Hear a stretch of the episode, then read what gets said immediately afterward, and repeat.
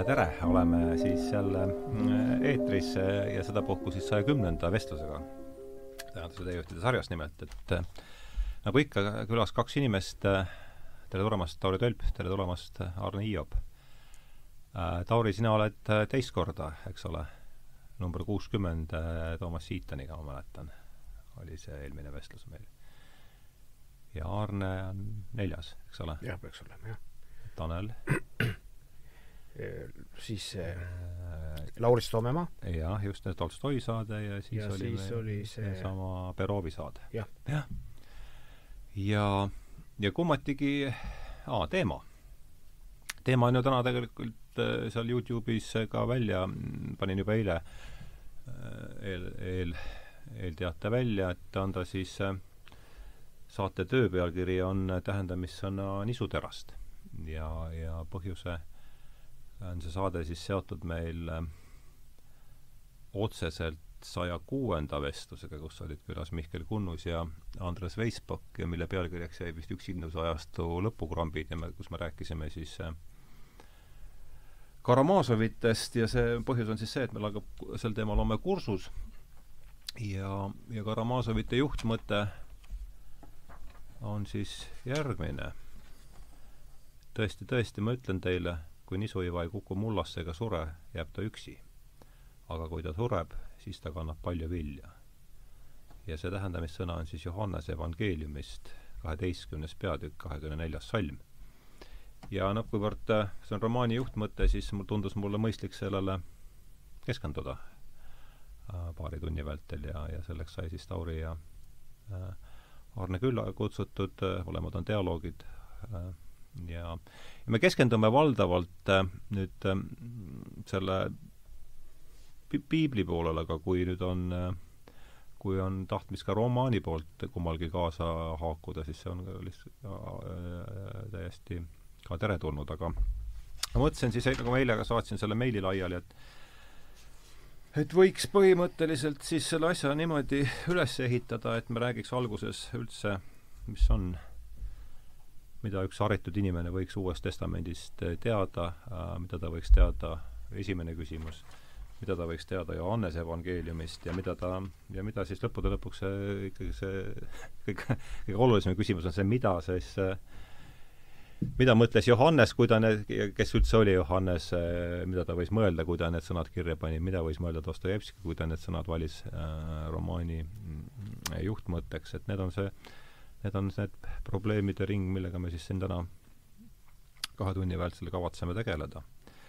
ma valmistasin eile natuke ette ka ja seda on muidu kõvasti rohkem, kui ma äh, jõuan, seda ei jõua üldse, aga et äh, et põhimõtteliselt ma saan siis aru, eks, ja noh, see ei olnud ka päris uus mulle, et piibel on ju raamatukogu, eks, mis koosneb siis kahest lugemissaalist, Uus Testament ja Vana Testament ja Uus Testament, äh, ja hakkamegi sealt pihta, et jätame praegu ärme vanadest, läheme kohe sellesse teise, uuemasse lugemissaali ähm,. et äh, põhimõtteliselt äh, lugesin ma siis välja, et seal on ja, ja, ja jaotub ta siis viide ossa, on, meil on neli evangeeliumi, on Apostlite tegude raamat, on siis äh, Pauluse kirjad, seitse, ma ei tea, katoolset kirja või, ja, ja lõpuks siis Uue Testamendi äh, lõpuks siis äh, Johannese ilmutusraamat, et äh, nüüd ma olen oma teadmised enam-vähem ammendanud ja annaks siis jutu teile üle, et äh, räägime kõigepealt siis Uue Testamendi, ütleme, Uue Testamendi kohast piiblis ja siis Uue Testamendi struktuurist, katsume sellega ennast soojaks saada. kes tahab alustada? Aarne võib alustada kogenumana. no ütleme, ma ei teaks, noh, valust natuke rohkem, nii palju, aga et eh, noh, Vanasse Testamenti me ei lähe, aga nii palju peab ütlema, et eh, piiblit on võrreldud ka kahekorruselise majaga. Vana Testament on alumine korrus ja Uus Testament on ülemine korrus. noh, kahekorruseline raamatukogu. jah, ja, ja Uues Testamendis on üks selline nähtus olemas nagu ülemine tuba, kus äh, Jeruusalemmas algkogudus koos käis, kus Jeesus püha õhtusööma ja seadis Mhm. Kus ülestõusnud Jeesus uste lukus olles ilmus, kus pärast taeva minemist kogudus Apostlite tegude raamatu alguses kohale läks, on ka ülemine tuba. ja ülemine korrus oli niisugune külaliste ruba, ruum üldiselt, suurem tihtipeale lahtise katusega või ka kergelt kinnipandava katusega. nii et Uus Testament eeldab, et alumine korrus on olemas. Kui majal ei ole esimest korrust ja tahad ainult teist korrust, siis ta kukub tükkideks ja kõik need katsed Uut Testamenti Vanas Testamendis lahti kangutada mm -hmm. lõpevad sellega, et asi kukub tükkideks mm. -hmm. aga kui nüüd Uuest Testamendist endast rääkida, siis niipea, kui sa seda rääkisid, siis mul kohe meenus, kuidas me istusime, Hans H. Luik oli, oli Jeruusalemmas kutsunud, kutsunud eh, Kabala ehk siis juudi müstika keskuse juhataja kõnelema uh. -huh. ja tema Eh, võttis ühe teise nurga alt eh, ortodoksete juutide juttu, mida ma mujalt olin kuulnud, Moosese viie raamatu kohta, mis on Vana-testamendi alguses mm. -hmm. ja, ja ortodoksed juudid olid väitnud niimoodi, ma kuulsin jälle mujalt, et et Moosese seadus paneb mõistuse teistmoodi tööle. sellepärast juudid on nii edukad. Ja sellepärast on nad Ashkenazim juudid nüüd veel on kõrge intellektiga tuntud ja ja siis mm, sellele, kas see nüüd õige on või mitte, aga sellel on tähelepanuväärne interpretatsioon ja sellele lisas äh, Kabala keskuse juhataja, et Viis Moosese raamatut on, on erakordne bestseller, seal sees on tohutu energia, mis paneb asjad liikuma mm. -hmm. ja mina hoidsin oma suu ilusti kinni, aga mõtlesin ise, et ja-ja, kallis mees, ei vaidle, aga ma lisaksin neli evangeeliumit on veel tohutu suurem energia selles mõttes. ei tahaks neid võrrelda, ei tahaks neid konkurentsi panna, aga seadus anti juutidele ja Vana Testamendi kaudu ta niimoodi kaudselt Uue Testamendi toel kaldub üle, üle maailma küll mm. -hmm aga evangeeliumid, mis on siis nagu see teine korrus, kus asi, kus see ilmutus lööb täiel määral särama, et seal evangeeliumides on ka meeletu äh, sõnum sees ja meeletu vaimne vägi Äh, kusjuures ka kirjanduslikult evangeeliumid on võrreldamatud, niisuguseid ei ole mujal, ei ole Buda ega Muhamedi kohta ega mitte ühegi teise inimese kohta niimoodi neli evangeeliumi kirjutatud. Äh, kusjuures Jeesuse elulugusid kui evangeeliumeid ikkagi teatud määral tuleb võtta ka elulugudena, mitte et nad kõike kirjeldaksid, nagu meil tänapäeval. Nad kirjeldavad seda, mille vastu huvi tunnevad. aga ikkagi see kirjeldusviis on seotud nagu selle eluga, Jeesuse eluga siis eh, keegi luges ära, üks uus testamentlane, et eh, Jeesuse elulugusid on üle kuuekümne, see on täiesti erakordne määr antiigis. ei Caesari, ei ühegi keisri kohta pole niimoodi kirjutatud kui eh, Galilea rändprohveti kohta, kes nii kõvasti läbi lõi religioonimaailmas ja maailmas üldse, et tema liikuma pandud lumepall veereb siiamaani ja pole lõppu näha. ehkki teda korduvalt arvatakse, et nüüd tuleb lõpp, nüüd tuleb lõpp, ei tule, neli evangeeliumit säravad, hiilgavad. See on, ütleme, alguspauk, mida see on päris mida... päris reibas algus. Taguri. No, ma võib-olla, ma arvan, et siin on niimoodi sisulise poolega juba alustatud, et, et ma saan siis nii-öelda võib-olla mingeid väikseid selliseid nagu detailipunkte veel juurde anda, sa tõid välja raamatukogu ja, ma arvan mm, -hmm. et see äh, adu või, või see kuidagi arusaam, et, et piibel on justkui selline otsast lõpuni terviklikult kirjutatud raamat ja kaasa arvatud Uus Testament, mm -hmm. on, on pigem jah, selline hilisema ajastu äh, arusaam ja võib-olla selline trükikunsti mm -hmm. järgne Suurte arusaam, et tuleb kaante vahel asi ja ja, ja, ja nüüd me igaüks ta ka kätte saame, aga, aga võib-olla üks selline esimene suur või, või, või põnev mõte, mis on, on see, et tegelikult kahekümne seitsmest raamatust, mis meil Uues Testamendis on, kakskümmend kaks on kirjad eks kui me räägime ja, kirjanduslikust just. žanrist, siis Uus Testament on kirjade kogu, kogum mm -hmm. lausa.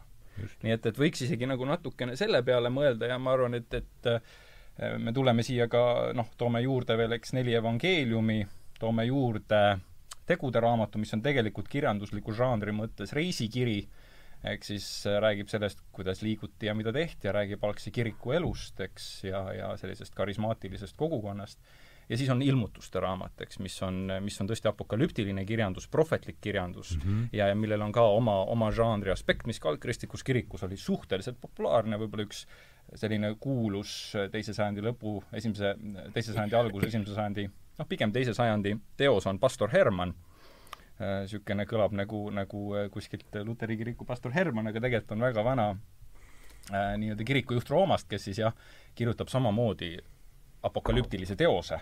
et peale Johannese, peale Johannese ilmutuse raamatut oleks meil peaaegu olnud üks teine apokalüptiline teos ka veel Uues Testamendis, seesama pastor Hermani ilmutused. ütle palun veel, mis aasta see oli? no see on teisest sajandist. jah, teise sajandi pigem alguspoole või keskpank. Äh, see äh, Uus Testamendi kaanon pandi üheksasada kolmkümmend, kolmsada üheksakümmend kolm Hippo kogul. no tegelikult noh, me saame sinna ka veel jõuda, tegelikult ta noh, nii palju ma jõudsin lugeda. see, see sama lugu seal ongi, et, et see on nagu päris kirju. ja, ja, ja tegelikult, kui me natuke Uue Testamendi kulgemis- või arenemislugu vaatame, siis me näeme, kuidas kandidaate sinna sisse on olnud erinevaid, mõnedel puhul, mis praegu on meil sees, üldse ei arvatudki, et nad peaksid sinna kuuluma, no lihtsalt mm -hmm. üks täiesti abstraktne näide, Johannese seesama ilmutuse raamat, grusiinid panevad ta alles kümnendal sajandil kaanonisse. Tõlgitakse esimest korda gruusia keelde, kuna idakirikus oli väga suured raskused üldse ilmutuse raamatu vastuvõtmisega, nii et ja, ja nii mõnedki muud, näiteks teine Peetruse läheb äh, samamoodi suht hiljem ja seal on suured kõhklused. Ja osad, mis alguses on sees, lähevad täiesti üldse välja. nii et see, mis meil uuest, uues testamendis tekib küsimus, on, on tegelikult see, et see on niisugune suur, minu arust täitsagi filosoofiline, usuline küsimus, et mis annab ka sellist kiriku kogukonnast meile hea ülevaate, on see, et kes siis, kes siis olid need või mis olid need meetmed või, või need põhimõtted, mille alusel siis sätestati need raamatud, mis siis jäävad sisse ja mis ei jää sisse. ja, ja ma rõhutan seda, et need raamatud, mis sisse ei jäänud, ei olnud sugugi halvad mm. -hmm. Need ei olnud no ole nüüd natukene ikka, kui sa, kui sa niimoodi võtad, siis ma küll natukene sekundeeriksin. vaata, kui sa loed neid apostlite, apostlikke isasid näiteks eesti keeles, ei nad tõesti ei ole halvad, see, see ei ole, selles mõttes ei ole valesti öeldud aga minu meelest, ja see ei ole ainult minu meelest, kui lugeda, milline tohutu kvaliteet on Uue Testamendi teostel, võrreldes näiteks Barnabase kiri või mingisugused niisugused kas Barnabase kiri oli üks ka kandidaat? ka, ka oli niimoodi, tema võis olla kirjutatud juba kaheksakümnendatel aastatel või on ka hiljem, seda päris täpselt ei tea. et eh, Uue Testamendi eh, kirjade kvaliteet on ikka meeletu ja mis on, ütleme, väga silmapaistev fakt, on veel see, et et, et põhiliselt Jeesuse kohta suur hulk nõndanimetatud apokrüüfseid evangeeliume ja teoseid kirjutati teisel sajandil ja mitte kordagi ei vaidlustatud nelja evangeeliumi, mis on Uues Testamendis. Matteus, Markus, Luukas, Johannes mitte kordagi ei vaidlustatud ega püütud asendada. ja see on selge viide selle kohta, et teati, et need on esimesest sajandist ja teati, et need tulevad sealt, kus äh, kus, kus nendele pealkirjad peale kirjutati, et ilmselt jah, kui inimene kirjutas evangeeliumi, siis ta ise ei kirjutanud peale, et Matteuselt või midagi, aga, aga teati, kes seda tegi ja see pandi siis sinna peale.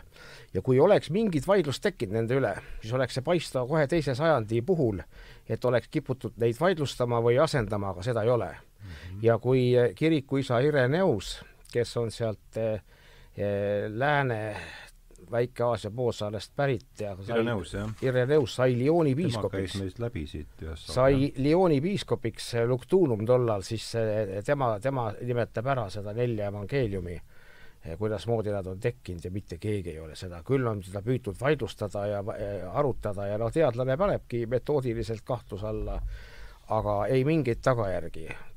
kõik klapib ilusasti teise sajandi jooksul ei vaidlustatud ja edaspidi jäid kõrvale need, kes jäid kõrvale apokrüüfsed kahel ikkagi sellel põhjusel, et nad olid Nad olid äh, hiljem kirja pandud, seda teati, et neid algusest peale ei olnud mm. -hmm. see tuli kollektiivses vaatuses välja ja samuti nende kvaliteet on vilets. Nad on niisugused no kvaliteet on vaataja silmades. ei ole, seal on, seal on niisuguseid legendaarseid lugusid, kus kus Uus Testament eh, ikkagi on ajalooline raamat, üldse teeks sammu tagasi, piibel on ajalooline raamat, kui seal mütoloogiast midagi järgi on, siis on need ainult pudemed. Eh, mujal on eh, mütoloogiaga tegemist, igasugustel, räägitakse niisugustest kuulujuttu ja fantaasiakujunduste tasa, tase, tasemel siis piibel, piiblis ei ole mingeid jumalaid, piiblis on inimesed, kellel on jumala kogemus. seal on. Abraham, seal on Mooses, seal on prohvetid ja, ja piibel on ikka niivõrd tõsine raamat, et kui vaadata nelja evangeeliumit, siis ja kõiki neid kirju, siis eh, igale poole antakse ajaloolised kinnitused, et siin on tegemist faktidega. samal ajal kui teise sajandi apokrüüfne kirjeldus vohab igasugustest legendidest ja müütidest niimoodi, et seal pole mingeid kinnitusi ja ja näiteks Apostel Matteus läheb kuhugi linna, siis, siis ebajumala kujud kukuvad tükkideks ja noh, niisugust asja, mida iial ei ole Uues Testamendis, niisugust asja, et et ma olen nõus Tauriga, et, et loomulikult see kirjandus on, Tauri räägib seda, seda, just seda aspekti, mida on uuritud, et kirjandus on väga lai, mida siin selle üle on käidud, aga, aga ma ikkagi Uue Testamendi erakordset kvaliteeti ka tõstaks esile mm. -hmm. aga oota, kus see nüüd see Tauri mõte jäi? minu, minu mõte jäigi et... natuke pooleli selles, et ah, kaasus võib-olla, et minu lähenemine ei olegi võib-olla niivõrd äh, teaduslik kui, kui pigem traditsiooniline mm. -hmm. ja, ja traditsiooni all me rääkisime selleks, kuidas see kaanon koosnes, eks ju, sealt läks ja ma, ma võib-olla lihtsalt natuke sekundeerin ka siin sellele, mida, mida Aarne ütles, et et võib-olla Aarne vaade on selline pigem protestantlikum. ei vaade. ole, ole nüüd. ja, ja seda on nagu, seda on tajuda, sellepärast mul on puhas ortodoksia. aga, aga, aga ma lõpetan, ma lõpetan korraks ära siin. ehk siis teisisõnu, mis selles argumendis praegu välja jäi, oli kiriku pärimus ehk liturgiline traditsioon mm. -hmm. ehk siis teisisõnu, miks ma ütlesingi, et see on protestantlik, sest me eeldame, et Uut Testamenti on tõesti äh, loetud ette sellise väga selge koguna ja me oleme ta nii-öelda siis liturgilisest osast välja võtnud kui me natuke uurime seda, kuidas õigeusu kiriku ja idakiriku tervik kas ma saan nüüd õigesti, sa nüüd rõhutad praegu siis Uue Testamendi sidet liturgiaga? just, sellepärast, et kuidas kus kuidas see... inimesi, tähendab, eks ma ütlesingi, et miks me natuke mm -hmm. selle trükiraamatu korraks ära unustaksime, on see, et mm -hmm. kuidas teise või kolmanda või neljanda sajandi inimene tajus Uut Testamenti. meie tajume seda täiesti omamoodi aga tolle ajastu inimene ei lugenud Uut Testamenti Just. kodus raamatulaua peal ja ei teinud eksegeesi sellele ja need, kes ka tegid, see on ülimate eliitide eliit enamik pühakirja tekstidest mingist müsteeriumist osa seal, mis seal ümber no, käib? võib-olla Origenes ja teised, kes ja. teevad toredaid eksegeese. enamik inimesi saab kirikus mm -hmm. kuulda Just. ja, ja temale loetakse. nüüd, kui me vaatame seda liturgilist traditsiooni seal ja me näeme, mis teoseid üldse loetakse mm, -hmm. ja miks ma nagu sekundeerin, miks nad ei ole vähem kvaliteetsed ja siin ma võin tuua piisavalt provokatiivse lause, aga teatud niinimetatud apokrüüfsed olid rahva seas populaarsemad. tuletame palun vaata, see on protestantlik väide. rahva seas populaarsed seda ma ei oska öelda, kas ta protestant rahvas ei otsusta aga, ortodoksi kirikus asju. aga liturgias, ma räägin liturgiast. liturgia otsustab ja liturgia sees on need tekstid on sisenenud liturgiliste lauludesse, liturgiliste psalmidesse ja neid kuulis rahvas, võiks öelda iga kord, samas kui neid evangeeliumi kohti või pühakirja kohti kuuldi võib-olla tõesti eri aegadel. tead, ühes asjas sa lasksid kohe lausa mööda minu tarkus pärineb selliselt Ateena ülikooli ortodoksi Uue Testamendi teadlased nagu Oikonomu esiteks, teiseks Müncheni ülikooli Uue Testamendi professorilt nagu Konstantinos Nikolakopoulos. ärme võib-olla ma olen lugenud, ma olen lugenud terve ridasi ortodokse. ma, ma usun, usun, et sa oled, aga, aga ma, aga ma siiski sekundeerin sulle just ära see, ära selles sekundeeri, sa võid selles sekundeerida, aga ortodoksis on ju nii, ärme nüüd võib-olla sellesse püha... väga niimoodi sellesse äh, allikatesse takerduda, sest meil on ikkagi vaja suuremat pilti selles mõttes, muidu me kaotame neegi luge-, kuulajad ära, kes meid siin võib-olla veel kuulavad. ehk siis teisisõnu, kui me räägime Uuest Testamendist sellisel määral, siis Uue Testamendi teosed olid tollel ajastul paralleelselt teiste tekstidega mm. -hmm. ja kui nüüd keegi väidab, et äh, keegi teadis, jätan neli evangeeliumi välja. ma pean seda sulle sekundeerima, ortodoksi Klasse... pärimus, katoliku pärimus ja tegelikult ka Uue Testamendi teadus väidab neid asju ja seal ei ole päris, need, need asjadel ei ole nii kõikuvad asjad. Kas me saaksime sellise formaadi, et üks räägib ja siis teine, muidu meil läheb, muidu meil läheb see asi ma viin selle, ma viin selle, ma viin selle lõpp, mõtte lõpuni, ehk siis teisisõnu, kui me räägime Uuest Testamendist ja siin ongi seesama selline ja ma presenteeringi siin tegelikult ortodoksi laiemat, mis ei ole sola scriptura lähenemine, vaid mm -hmm. mis mhm. vaatabki sellist traditsiooni sola scriptura on, on, eks ole, protestantide see ei ole minu just, lähenemine. just, ja, ja selle tõttu ma oponeeringi praegu sellele lähenemisele mm -hmm. siin. ma ei lähene nii. no see vähemalt kõlas nii. ja, ja selle tõttu ma oponeeringi sellele väitele, ehk siis, et kujunemine, kuidas Uus-Testamendi need tekstid sinna lõpuks sisse saavad, on pikem protsess ja väga palju inimesi luges ja kui me üldse arvame esimestel sajanditel, mis teosed ja mis inimestel olid, ma jätan praegu neli evangeeliumi välja. ma olen nõus, et neli evangeeliumi oli selline raudvara, milles ei ole keegi kunagi kahelnud, aga Uues Testamendis on palju teisigi teoseid, milles on pikalt kaheldud. ja kus paljudki teisedki teosed on niivõrd populaarsed kiriku pärimuses olnud mm, -hmm. et need lähevad täiesti oma kanalit. ma ei ole midagi teha, kui sa nüüd lõpetad, siis ma pean sulle sekundeerima, see ei ole nii, nagu sa räägid mis asi ei ole nii? see, see, see ei ole sinu arvates ei, nii? ei, mitte minu arvates, vaid mina olen lugenud ortodoksi autoreid ja ma olen lugenud katoliku autoreid ja olen lugenud protestandi autoreid. üldiselt on ikkagi niimoodi, et Uude Testamenti pääses see, milles oli veenduti, et see on apostlik oma päritolult. see, mis toimus liturgias, mis toimus mujal, see kõik oli olemas, aga asi ei ole nii kõikuv olnud. kui sa loed ikka, mida Origenes ütleb, kui sa loed, mida Eusebius kokku paneb, kui sa loed, mida Ireneus paneb, seda kõike olen mina teinud, oled ilmselt ka sina aga teinud. sa ju tead, et nende nimekirjad on teistsugused ei kui ole praegu. teistsugused. no ma, ma võime hakata tõestama need, aga need on teistsugused. ärme sellesse, ärme sellesse takerdu. Nende kanonis puuduvad osad raamatud, mis osades praeguses... asjades oli vaidlust, aga see tuli, see tuli ära taustsüsteemidega üldiselt veendudes, et, ta pärineb, et ta pärineb sa võtad Codex Sinaiticus, ka seal on osad puudu. see, see ei muuda ju mitte midagi, sellepärast et aga muidugi ei muuda, aga ta, osa, aegade, aegade käigus selgitati välja, mis pärineb apostlite ajast, mis mitte, esiteks teiseks, põhiasjad, põhiasjad on ju kõik samad.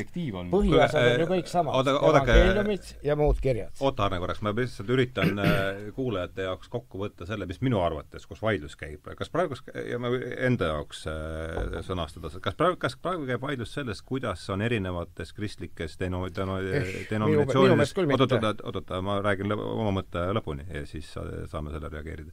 et kas praegu käib vaidlus selle üle, kuidas on erinevates kristlikes, mis või nimetame siis denom-, denominatsioonides äh, see Uue Testamendi kaanon kujunenud või?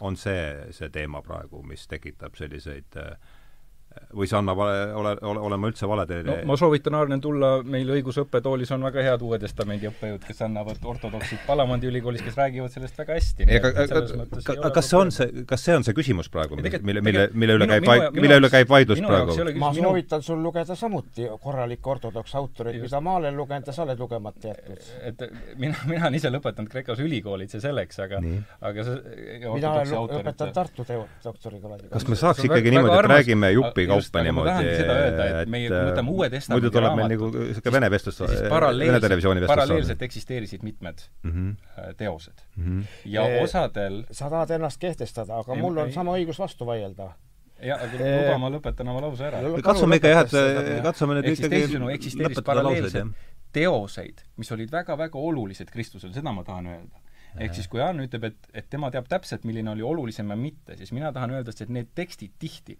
olid osadele väga olulised. ma toon sulle lihtsalt ühe näite, kuidas näiteks need neli evangeeliumit Süüria traditsioonis pandi teate Saaronina üheks tekstiks kokku, tehti süntees harmoonia evangeelium. see on ju hilisem see on teine sajand. aga see on ju kompositsioon, mida tehti teadlikult. otse loomulikult tehti teadlikult. see ei puuduta päritolu ja ega ma ei olegi ju rääkinud mitte midagi päritolust, ma lihtsalt räägin seda, et paralleeltekstid olid erinevad seal. ja mõnedes tekstides väga tugevalt kaheti, ma tõin välja praegu ilmutuse raamatu, mis näiteks ortodoksi teoloogilises ja liturgilises pärimuses mitte kunagi ei loeta äh, liturgilise tekstina. just selle tõttu, see on problemaatiline koht. ja miks ma tõin ka hilisema näite, võtame Johanne, Damaskuse Johannes, kaheksas sajand, kas te teate, mis on tema Uue Testamendi kaanon? ei tea Uue Testamendi kaanoniks on tal kakskümmend kaheksa raamatut kusjuures ja tema kahekümne kaheksas raamat see ei muuda mitte midagi. ühesõnaga, jutt käib ikkagi praegu sellest, mille te vaidlete, on see, et kuidas on ei, tähendab ma ei saanud nagu vastust selle ma ei saanud aru, mille, mille, milles on probleem? sa, sa, sa heidad mulle ette, et mina tean täpselt või midagi, ma kirjeldan protsessi. nagu protsess on olnud ajaloos, nagu seda keegi ümber ei ole lükanud ja nagu need asjad on läinud, siin on mi-, mitte midagi, ma ei saa sinu vaidluskohtadest aru. minu point on lihtsalt selles, et paralleelselt need, meie küsimus on väärtusbaasil ehk siis kas sina ütlesid, et teatud äh, tekstid on väärtuslikumad ma ütlesin, et see, see lause jäi mul ka meelde, see läks, läheb kaugemale, liiga kaugele. üks asi, kui ta väärtuslikumad on samuti.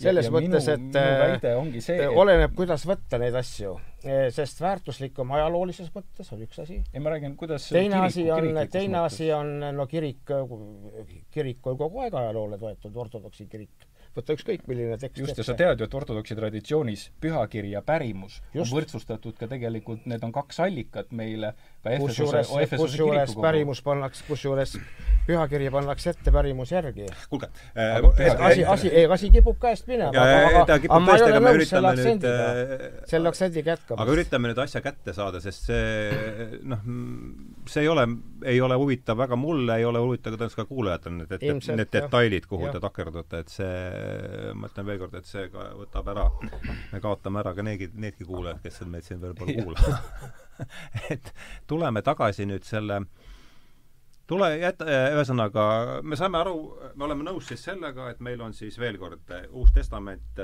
koosneb viiest osast, neli evangeeliumi, jah äh,, siis äh, Apostlite tegude raamat, Pauluse neliteist kirja, siis seitse kirja, millest on kolm Johanneselt või? jah. jah, ja siis neljas veel see Johannese ilmutusraamat.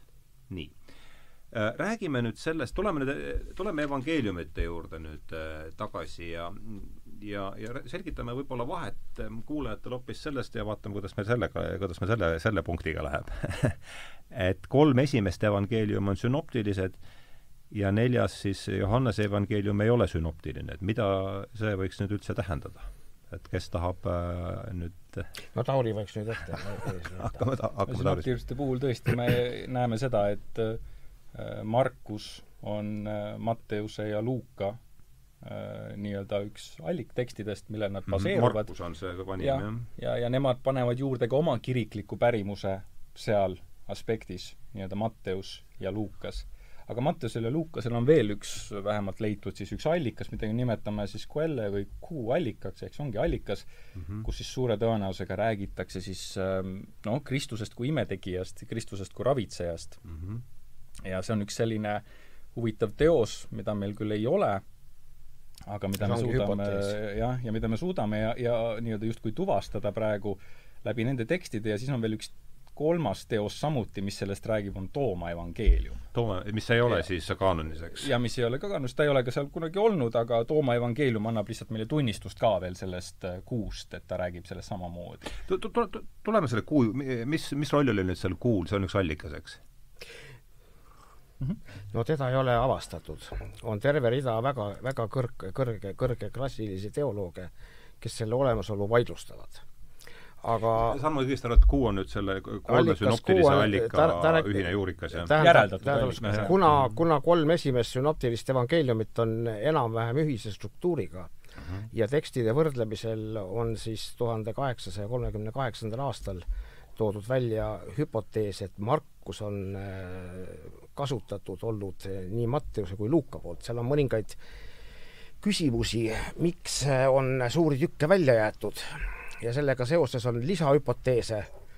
Eh, ja mis on veel lisaks, on see, et niisugune Jeesuse ütete või, või ütluste või niisuguste logionid ehk ütlused, niisugused asjad on Luukal ja Matteusel olemas, mis puuduvad Markusel, aga Luukal ja Matteusel omavahel ühised see on äh, tekitanud hüpoteesi, et on olemas allikas, allikas on saksa keeles quelle Aha, ja sellepärast see kuu tuleb sinna. et allikas kuu on siis see, mida, mida nad kasutasid, et Matteus ja Luukas kasutasid ühel ajal Markust ja veel lisaks ühte kirjalikku allikat, see Jeesuse ütluste allikat mm. -hmm. ja et see allikas võis olemas olla, selle niisuguseks näiteks on Tooma evangeelium, mis on hilisemast ajast pärineb, aga see, et üldse ütlus üles, üles märgiti selle kohta on olemas ka teise sajandi kirikuisa Hieronymose või see Hierapoolise papiase teade, et et Matteus märkis üles heebrea keeli Jeesuse logione ehk siis ütteid või ütlusi. ja see, neid märkmeid võis olla isegi rohkem, keegi ei tea, kuidas on, et miks nad jälle natuke varieeruvad, siis neid võis kõike rohkem olla, aga üks asi, mis on, on see, et mitte midagi ei ole avastatud. see kõik on hüpoteesi tase kas nad olid memoreerinud, on neid, kes väidavad, et tolleaegne mälutehnika oli niivõrd võimas, eh, mida kasutati, et tegelikult ongi see suuline sõna, et eh, pandi, et ilmselt olid nad lugenud küll Markust või mingit algvarianti Markus, on viited, kus Markus võis täiendada oma evangeeliumi ja seda on ka praegu oletatud, et evangeeliumil on märgatud, et on olemas eri variandid ja ja siis, eh, et allikas kuu võis olla selle olemasolu põhimõtteliselt ei eita keegi, kas ta oli suuliselt, kas ta oli ühtse tekstina või oli ta erinevate tekstidena, siin on vaidluskoht. ahah, et seda, et see allikas kuu on olemas, see on nagu üld, üldvõetud aru, üldine aru. tema olemasolu ei vaidlusta keegi, aga mis kuju, kas, milline tekst ta täpselt oli, pole leitud mingeid tekste. seda me ei tea. ja selles ollakse ka ühel nõul, et Markuse evangeelium on vanim enam-vähem on neid, kes väidavad ikkagi, et Matteus oli eh, va-, juba varem hakkas, aga, aga üldine, kõige levinum ja kõige, tundub, et Markus on kõige vanem, jah. Aga see on omakorda, ma kujutan ette, kui see kaanon paika pandi, et, et mis, mis millise raamatuga alustada, see tõenäoliselt oli suur, see polnud vähetähtis. võib-olla ma küsingi siit selle kaanoni paikamise kohta, et sa ennem tõid ühe aastaarvu, et, et ega, ega seda kaanonit meil mingi üldisel oikumeenilisel kirikukogul ei ole paika pandudki. Et meil on olemas Augustiinus ajas seda omal ajal see on see hippokogu, eks ole? jah, ja need on erinevad, on seal, kus need tegelikult kaanonina pandi. muidugi, siit ka see vai-, siit ka see vaidlus, ma kujutan ette, teie kahe, kahe vahel alguses või? Just, aga mis, ka idas, idas on meil lihtsalt esimene mees, kes seda teeb kolmsada kuuskümmend seitse, Atanasius Suur on tegelikult esimene, kes toob mm -hmm. need nii-öelda kakskümmend seitse raamatut esimest korda äh, välja. ütle palun veel kolmsada kuuskümmend seitse. kolmsada kuuskümmend seitse, kuldne, tema kuldne kaanon, ehk siis tema kolmekümne üheksandast Paasa mm, pühade kirjas, võib seda siis leida, kus me siis tõesti näeme ja seal Atanasius muidugi mainib ka kõiki Atanasius. neid teisi teoseid ja, ja kutsub neid siis tõesti noh, Didacheed just eriti, kaheteist apostli õpetust, kutsub siis ka neid väga inspireeritud äh, ja olulisteks tekstideks, mida on ka hea mm, samuti lugeda. nii et tegelikult kui me jah, niimoodi mhm. vaatajale selline fakti või üks niisugune detailipunkt jah, siis vähemalt nii palju, kui me oleme leidnud, kakskümmend seitse raamatut, nii nagu me tänapäeval teda tunneme, esimest korda kolmsada kuuskümmend seitse aastal mainitud. aga ma küsin vahele, kas see kakskümmend seitse on praegu nüüd idakirikus ja, ja, ja, ja lääne kirikus, see on, see on aga mina tahaks ja... täiendada, et ei tekiks eksiarvamust mm -hmm. või eksikujutlust. ega Atanasius ei väitnud, mis need on ta kinnitas seda, mida teati ja mis, milles oldi veendutud. tema väitis seda formaalselt, aga seda kõike teati ammuilma. Seda teati teisel sajandil, keegi ei vaidlustanud evangeeliume, Ireneusel oli teada e,. oli vaidlust Heebrea kirja üle, kuna ei ole nime peale kirjutatud, teise Peetruse kirja on ainus asi, mis kahtlusi tekitab, on see, et ta ilmub välja teise sajandi lõpus, kus ta varem oli, kas kadunud ja leiti alles või mhm. kirjutas keegi teine, et niisugused arutlused kirikuisadel aga eh, midagi kirik ei ole kehtestanud niimoodi, et ta võtab kätte, otsustab, mis on ja otsustab, mida ei ole, vaid otsus põhineb sellel, mis vastab tegelikkusele. et eh, Atanasios kinnitab seda, mis oli kirikliku diskussiooni ja pärimusliinide järgimisel ja neid kõiki asju oli arvestanud, oli kinnitanud apostliku pärimusena. ja miks Atanasiuse nimi figureerib nii, on just see, et temal tõesti on see, nagu Tauri ütles, täp-, täpselt kakskümmend seitse siis nüüd pandud paika ja edaspidi nende suhtes enam noh, siin-seal küll on, aga aga praktiliselt kiriku põhivoolus enam selles suhtes küsimusi ei ole mhm. üldiselt. ja see on jah huvitav, sest ma lugesin, ma võtsin lihtsalt entsüklopeedias need, käisin no, see on läbi ja päris palju, kaanon on päris palju segadust tekitav inimestes ja selle tõttu neid noh, kirikukogusid tuuakse välja mm, -hmm. et, et mina isegi nagu väidaks niimoodi, et kirik võib-olla sellise karismaatilise mm, ihuna võib-olla nagu idas ei näinudki väga vajadust, et see tuleks niimoodi väga selgelt piiritleda. ja, ja ta ka mm -hmm. nagu mhm. selgelt paika panna, seda alati ei, ei peetud, seal jäeti ka mhm. teatud vabadus, et läänel on võib-olla rohkem kombeks asju piiritleda, on need siis sakramendid, mis on väga selgelt vaja paika panna või, ja, ja Augustinuse puhul me näeme, et ta ikkagi ajas väga selgelt seda, et see piir ja, ja paika pandaks ja et me milleski muus, aga aga idas lihtsalt jääb see äh, selliseks vabamaks äh, ja, ja võiks öelda, et loomulikus korras see kakskümmend seitse ajapikku äh, kinnitub ja, ja, ja, ja teatud määral saab paika, et noh, seitse sakramenti on võib-olla selline samasugune hea näide, et ta tuleb alles teisel aastatuhandel mm, -hmm. kinnitub vaikselt Ida kirikus, samas tal võtab nagu palju kauem aega selle, selle tekkimine, et alguses on laiemalt neid, neid numbreid ja neid, neid äh, nii sakramente kui, kui raamatuid seal sees no ma arvan, et üks asi, üks asi, mida me siit kuulajad võivad nüüd esimesest poolest tunnist kaasa võtta, et kui oluline on see küsimus olnud ajaloos, et mis sinna siis lõpuks sellesse, sellest me saime mingit, mingit aimu, ma arvan, selle esimese poole tunni jooksul juba, et, et kui oluline see on, et mis raamatud sinna lõpuks sellesse siis pühadeks tunnistati ja praegu on neid siis kakskümmend seitse. ja põhiline ei ole mitte ikka isegi ka paavsti otsuste puhul ja, ja igal pool mujal kiriklike otsustuste puhul, et põhiline ei ole mitte see, mida kirik kinnitab mm, -hmm. vaid eh, kirik kinnitab seda, mis on. see, mis on apostlik, seda kinnitatakse mitte nii, et ma nüüd mõtlen välja, mis minu meelest on ja ma kinnitan, see, see ei, ei lähe. üks mõiste, mis siit on läbi käinud ja mida ma arvan, et tasuks jällegi selguse huvides ja noh, meie kuulajad ei ole kirikuajaloolased, see on ka päris selge, et apostellik, et, et selgitame selle mõiste ka lahti, et et mis see tähendab mis asi täpselt, apostellik isa siis või mis asi? üldse noh, see aposte-, et ma, ma Aarne jutust võtsin, noppisin üles selle, et et kui me nüüd otsustame, et kas see raamat on kanooniline või mitte, kas see on püha või mitte, et siis tähtis on see apostellik päritolu. et anname sellele väitele, kas ma sain õigesti aru, punkt üks, ja kui ma sain õigesti aru, siis anname sellele natuke värvi juurde, kui ma ei saanud õigesti aru, siis palun parandage mind noh, minu, minu nägemus või minu arusaam vähemalt nii nagu ida patristiline pärimus seda näinud on, siis apostelik tähendab muidugi laia, et ma arvan, et ükski kirikuisa ei arvaks, et näiteks suuline pärimus ei oleks apostelik mm. -hmm. et apostelikul on väga palju erinevaid kontseptsioone ja, ja Basilius Suurgi kirjutab väga, väga ehedalt neljandal sajandil, kuidas apostelikud on nii paljud asjad kirikus ja, ja me ei ei saa nendest teada pühakirjas, kirjutab Basilius Suur, vaid me saame sellest pärimuses ja sellel on oma apostelik tagataust. on see siis noh, siin on palju erinevaid küsimusi, muidugi kirikus on need tekitanud omal ajal diskussiooni, vaidlusi, arutelusid, aga, aga jah, ikkagi on tajutud ja, ja võib-olla selline keskne roll, noh, apostelik on siin jah, selline autoriteedi küsimus, et kirikus on hästi oluline see läheb ikka, viib tagasi siis nende kaheteistkümne apostli juurde, eks see juured peavad apostelik on see, mis vastab siis apostlitele. just, et, et siin ongi see, et, et võib-olla see, mis meil nagu see alguse see diskussioonipunkt oli see, et võib-olla neid on kirjutanud, eks Matteus, Lukas, sa ütlesid, need on juba mitmenda generatsiooni kristlased, eks. Nemad ei ole apostlid, eks ole. otseselt, no selles mõttes apostel on ka natuke laiem termin, juba Didache räägib meile, et on olemas ka nagu apostel kui karismaatiline või karisma, eks, kes on sellised missionärid ja õpetajad, et see läheb mm -hmm. ka sealt natuke edasi, aga kui sa räägid sellest tuumik kaheteistkümnest, inimest, eks. siis sinna ei ole, seal ei ole isegi Paulust, eks? Äh, just, et, et ta on nagu natuke ka laiem termin, aga mm, -hmm. aga mhm. võib-olla selle, selle sisu, sisupunktis ongi see, et, et apostellikul on, sellel on teatud autoriteet ja, ja, ja apostellik mis annab, viib siis selle just, aga, siseringini aga, lõpuks see, välja. võib-olla mis ma tahan nagu lõpetada, on see, et see apostellik tähendab seda, et seda võidakse anda, anda edasi.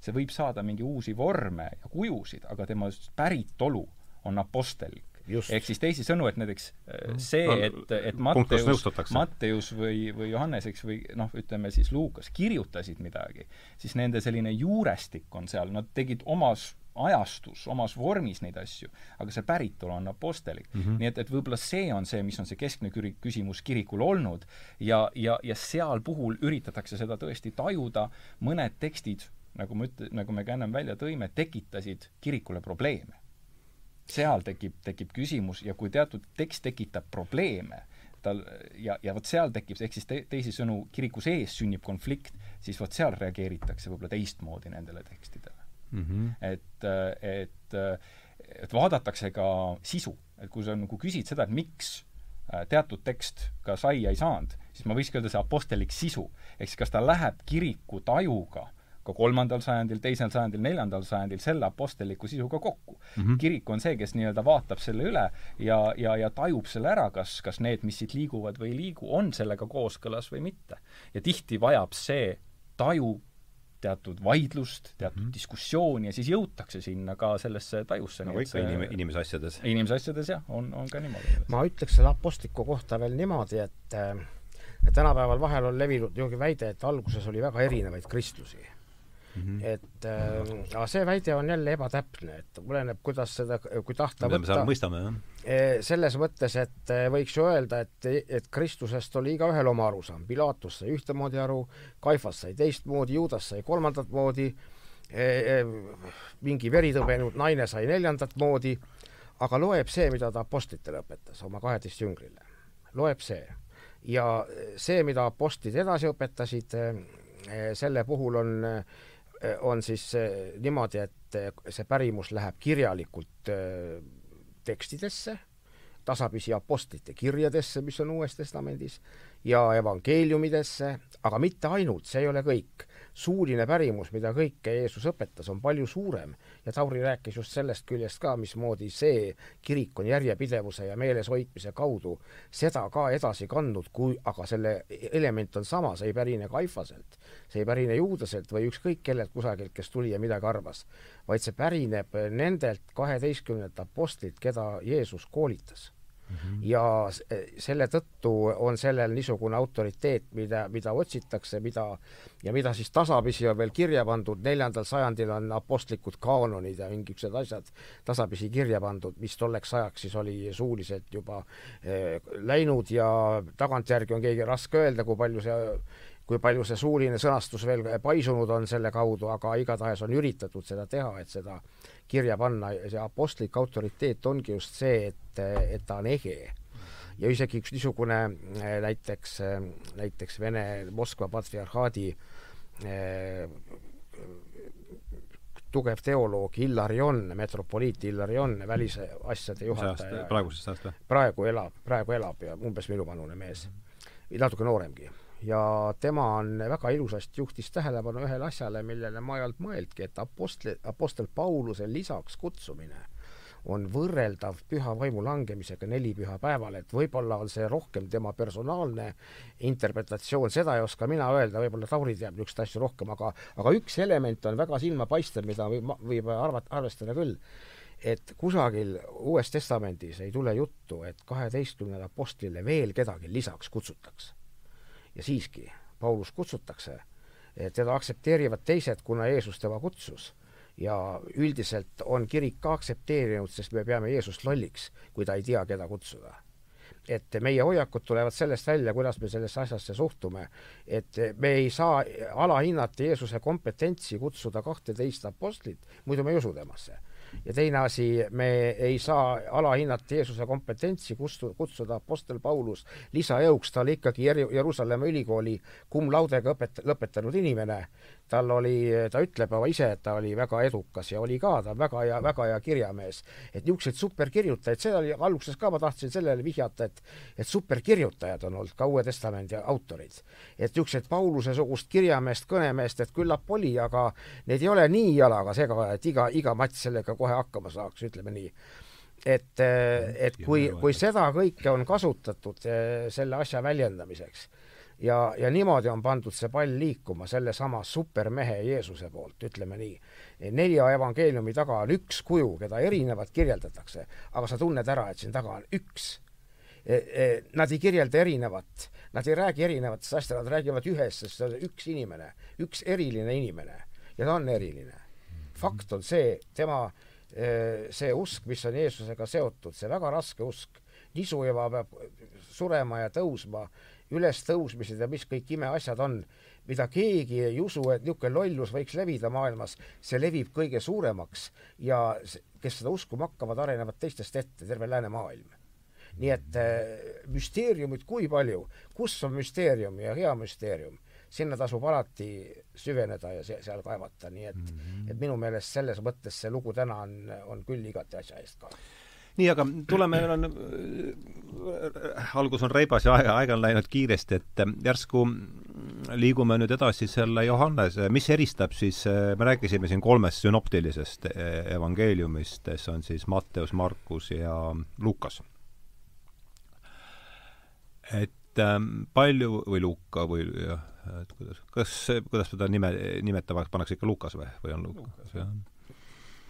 et kuidas me mis nüüd eristab Johannest, äh, kaks küsimust, et mis nüüd eristab Johannest kolmest eelmainitust ja mis on selle, siis selle evangeeliumi Johannese seos äh, selle siis kolme kirja, on see kolm, kolm kirja on Johanneselt või?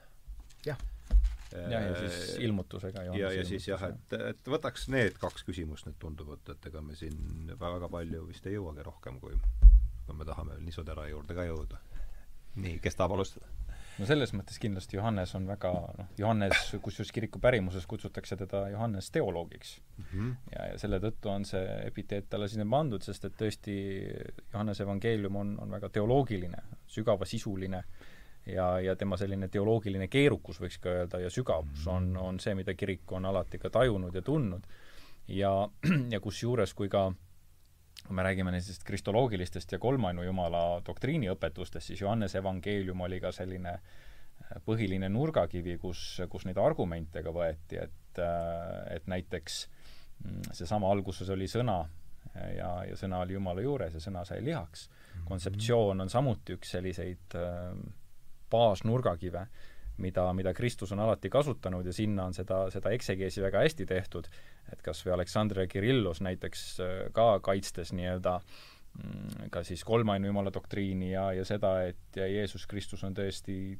täielik Jumal, igavene, võtab sealsama kontseptsiooni, kus ta ütleb, et enarhii inno logos eh,, et alguses oli sõna ja kreeka keeles on siis see ju imperfect, eks, ehk siis teisisõnu, see on lihtminevik, ehk siis jätkuminevik ja, ja kasutab ka lausa grammatiliselt seal selgitust äh, selles kirjakohas, et näidata, kuidas äh, Kristus kui Jumal sõna on alati ja igavesti olnud, ka lausa mhm. grammatiliselt seda, seda nii-öelda seal kasutatakse. nii et ma arvan, et selline baaskontseptsioon ongi see, et Johannese evangeelium on, on tõesti, ta on hiljem kirjutatud eeldatavalt, äh, kui, või vähemalt nii palju, kui meil eks Uue Testamendi osas neid hüpoteese on väga palju mm, -hmm. aga, aga laias laastus jah, ta on sellisem teoloogilisem ja tõesti, ta pärineb sellisest koolkonnast, mida me võime nimetada siis ka Johannese koolkond. Johannese koolkond on Väike-Aasia poolsaarega pigem seotud või Johannese kirjanduslik kogukond, äh, mis on tõesti jah, Väike-Aasia, tänapäeval siis Türgi, Türgi alad, ja, ja me teame, et see Johannese kogukond hoidis ka niisugust, kuidas ütleme, noh, me eeldame, et see on seesama kogudus, mis nii-öelda sünagoogist välja visati ja, ja mis läks siis ka sinna ja nemad hoidsid ka näiteks juudi traditsioone väga tugevalt, et näiteks mm -hmm. teisel sajandil on meil juba teada, et Johannese kogukond äh, näiteks tähistab koos juutidega paasapühi. ja, ja Rooma tähistab erineval teisel ajal. no see küsimus tegelikult lõplikult lahendatakse alles äh, esimesel oikumeenilisel kirikukogul ära kuidas ja millal siis täpselt paasapühi tähistada. millal see oli, esimene oikumeeline? kolmsada kakskümmend viis aastal. aga, aga see lai kontseptsioon või põhimõte äh, ongi siis seal, et Johannese kogukond tegelikult ka erines omat moodi ja me näeme, et kui selle kogukonna esindajad saavad kokku näiteks Korintoses ka Rooma esindajatega, siis osad ütlevad, et noh, et, et meie tähistame paasapühi sel ajal, ja teised ütlevad, et aga meie tähistame sellel ajal mm. -hmm. ei lähe kokku. kaks kogukonda said aru, et nende traditsioonid ei lähe kokku, mida teha ja kusjuures see kokkulepe või, või, või konsensus, kuhu nad jõuavad, ütlevad, et noh, et meil siin Peetrus ja Paulus ütlesid, et nii tuleb teha. ja siis meil ütles Johannes, et nii tuleb teha. mis siis teha? ja siis lepitigi kokku, lepitigi kokku, et ju siis mõlemad on õiged ja, ja seal oligi, sest mõlemad on apostlikud, natuke lihtsalt illustreerida seda, kui me rääkisime ka siin apostlikust traditsioonist ja pärimusest tervikuna, ehk siis kui sul on see argument seal taga olemas, siis see saab ka nii jääda. kuigi me näeme, et neljandal sajandil esimene oikumene kirikukogu siiski äh, kuulutas selle äh, nii-öelda Johannese traditsiooni võiks siis, äh, või nägemuse paasapühade tähistamiseks siiski kehtetuks. ja, ja, ja, ja mindi sealt edasi ja, ja nõuti, et tähistatakse erineval ajal. ja see pandi lausa siis kaanonina või siis nii-öelda käsuna kirja. Nii et ma arvan, Aarne saab siin Johannese ka ma enne, enne kui äh, Aarne käest veel lisaks küsida seda, et ma nii palju, kui ma noh, siit ja sealt toodud, et Johanneses üritab, ta üritab kuidagi seda Kreeka, jällegi nii vähe, kui mina seda, Kreeka ja juudi niisugust äh, sünteesi selle loogo oh, Johannese evangeelium on niisugune super asi, et äh, tähendab äh, väga täps-, väga ilusasti ütles Tauri, et ta on, tähendab, võta, kuidas sa tahad ta on kõige viimane, ükskõik mis uurijate koolkond, ükskõik mis pärimus, Johannes on viimane. ainult et millal viimane on? on julgeid hüpoteese, mis paigutavad selle kuuekümnendate aastate lõppu ainult mõni aasta hiljemaks. see ei ole formaalselt võimatu, aga eh, Johannes enne tem-, templi hävitamist veel? lugu ongi selles, Uues Testamendis ei mainita templi hävitamist mitte kusagil. ei ole, jah mitte kusagil Uues Testamendis ei ole templi hävitamist, on arutlust, kas mõne koha peal sellele vihjatakse mm. -hmm. ja äh, Johannes ei kirjelda templi hävitamist, kõik on mina, kõik on näiteks väide, et Jeruusalemmas on lambavärav, on sõna on olevikus ja igasuguseid muid niisuguseid asju Eh, aga mis torkab silma Johannese evangeeliumile, vaat selles ma veendusin ka isiklikult täiesti neid asju üle käies omal ajal, kui siin Pühamaa raamatut sai kirjutatud. Eh, vana, vana arusaam kirikuisadelt, Eusebius ja kes nad viitavad, et Johannes oli lugenud kolme esimest sünoptikut. kas kõiki kolme või ühte nendest ja leidis, et üldiselt on asi okei okay,, aga tal on midagi täiendada. noh, me ei saa kontrollida, kui palju selline väide, kust ta pärineb, kas ta on isiklik oletus või on seal taga ka mingit asja, mida siis kirikuisa kuulnud oli aga kui vaadata Johannese struktuuri, siis paistab, et eh, see võis nii olla. Johannes kirjeldab üle kõike seda, mis kolmes evangeeliumis ja jätab olulisi tükke vahele. kusjuures niimoodi, et see vahelejätmine ei oleks mõistetav või selgitatav, kui kolmes esimeses ei oleks seda kirjas juba. näiteks ta ei kirjelda Jeesuse ristimist mm, -hmm. ta kirjeldab eh, sinna lisa, mis seal juures toimus, aga ristimist ennast ei kirjelda -hmm. ta ei kirjelda armulaua seadmist, ta kirjeldab, mis seal juures oli, mida kolmest puudu jäi, aga seda asja ennast ei kirjelda mm. -hmm. kuuendas peatükis tulevad järsku sisse, kui Jeesus nüüd Johanneses? Johannese kuuendas peatükis, kui nad sõidavad paadiga üle järve, tuleb järsku sisse kaksteist apostlit, aga ta mitte kusagil ei räägi, kuidas kaksteist apostlit alguse sai. see eeldab jälle, et ta on teadlik varasematest evangeeliumidest ja nendega arvestab ja neid mingil moel täiendab ja noh, minule nagu, nagu meenub see kogu aeg, kui Johannesest juttu tuleb ja temast, et eh, mul on õnn olnud käia Patmose saarel, kus on ainult ortodoksid, kus ei ole isegi katoliiklasi ja ja seal on siis kõik kohad Johannese ikoone täis. ühest otsast teiseni ja mujal Kreekas ma pole, Ateenas käisin spetsiaalselt, vaatasin, mitte kusagil ma ei näinud Johannese ikooni, vähemalt nad pole levinud mm. -hmm. Patmos on ühest otsast teiseni täis ikka see, mismoodi Johannes räägib ja, ja Prohoros kirjutab kuue esimese, seitsme esimese diakoni seas, mis pandi Apostlite regude raamatus, kõige kuulsam on Stefanos, kes kividega surnuks visati. aga seal on ka Prokoros või Prohoros, kes pärimuse põhjal, mida me noh, ei saa kontrollida, kui täpne ta on, aga ei pru-, ei pruugi vastu vaielda, sest pole selleks sunnitud et Prohoros oli üks kreekakeelne juut, kes oli, oli Johannese abiline kirjutamisel, nii et kuna seda ei pea teisiti mõtlema ja kuna see ei, ei pruugi teisiti olla, siis võib seda nii võtta, nii et et igatahes Johannese, mis on veel avastatud viimastel aegadel ja varem ei olnud märgatud, on Johannese evangeeliumi eh, geograafia, Jeruusalemma geograafia on detailne seda räägib inimene, kes tunneb kohalikke olusid. käies ise seal pühamaa käikudel, siis võib seda näha, kuidas, kuidas need asjad on paigas. Luukas tunneb kõige viletsamat ja ongi nii. Luukas on arst, välismaalt tulnud kreeklane, ta ei tundnud kohalikke paiku nii hästi. Matteus ei tunne hästi eh, Jeruusalemma, ta tunneb hästi Galilead, täpselt klapib. Markus, kelle maja oli eh, kelle majas võis käia või kelle ema majas võis käia algkogudus koos. Markus ja Johannes tunnevad super hästi Jeruusalemma ma saan aru, et üks, nii vähe, kui ma jõudsin uurida, et nii, et, et üks erinevus Johannese evangeeliumi ja sünoptiliste evangeeliumite vahel on see, et, et see sünoptilistes evangeeliumites on põhitegevus toimub Galileas või?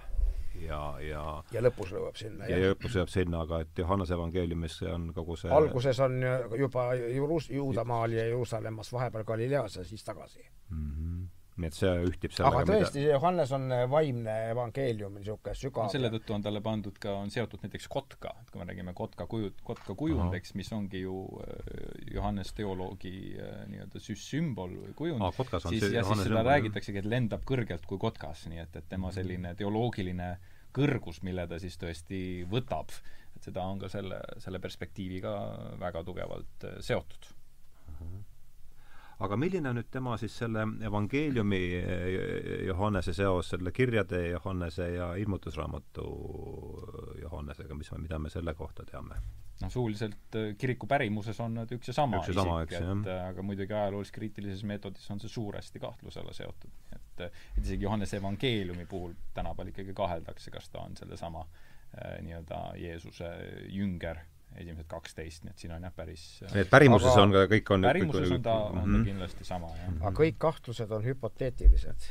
kusjuures viimastel aegadel on suurenenud nende arv, kes näitavad, et kahtlused on ka asjatud.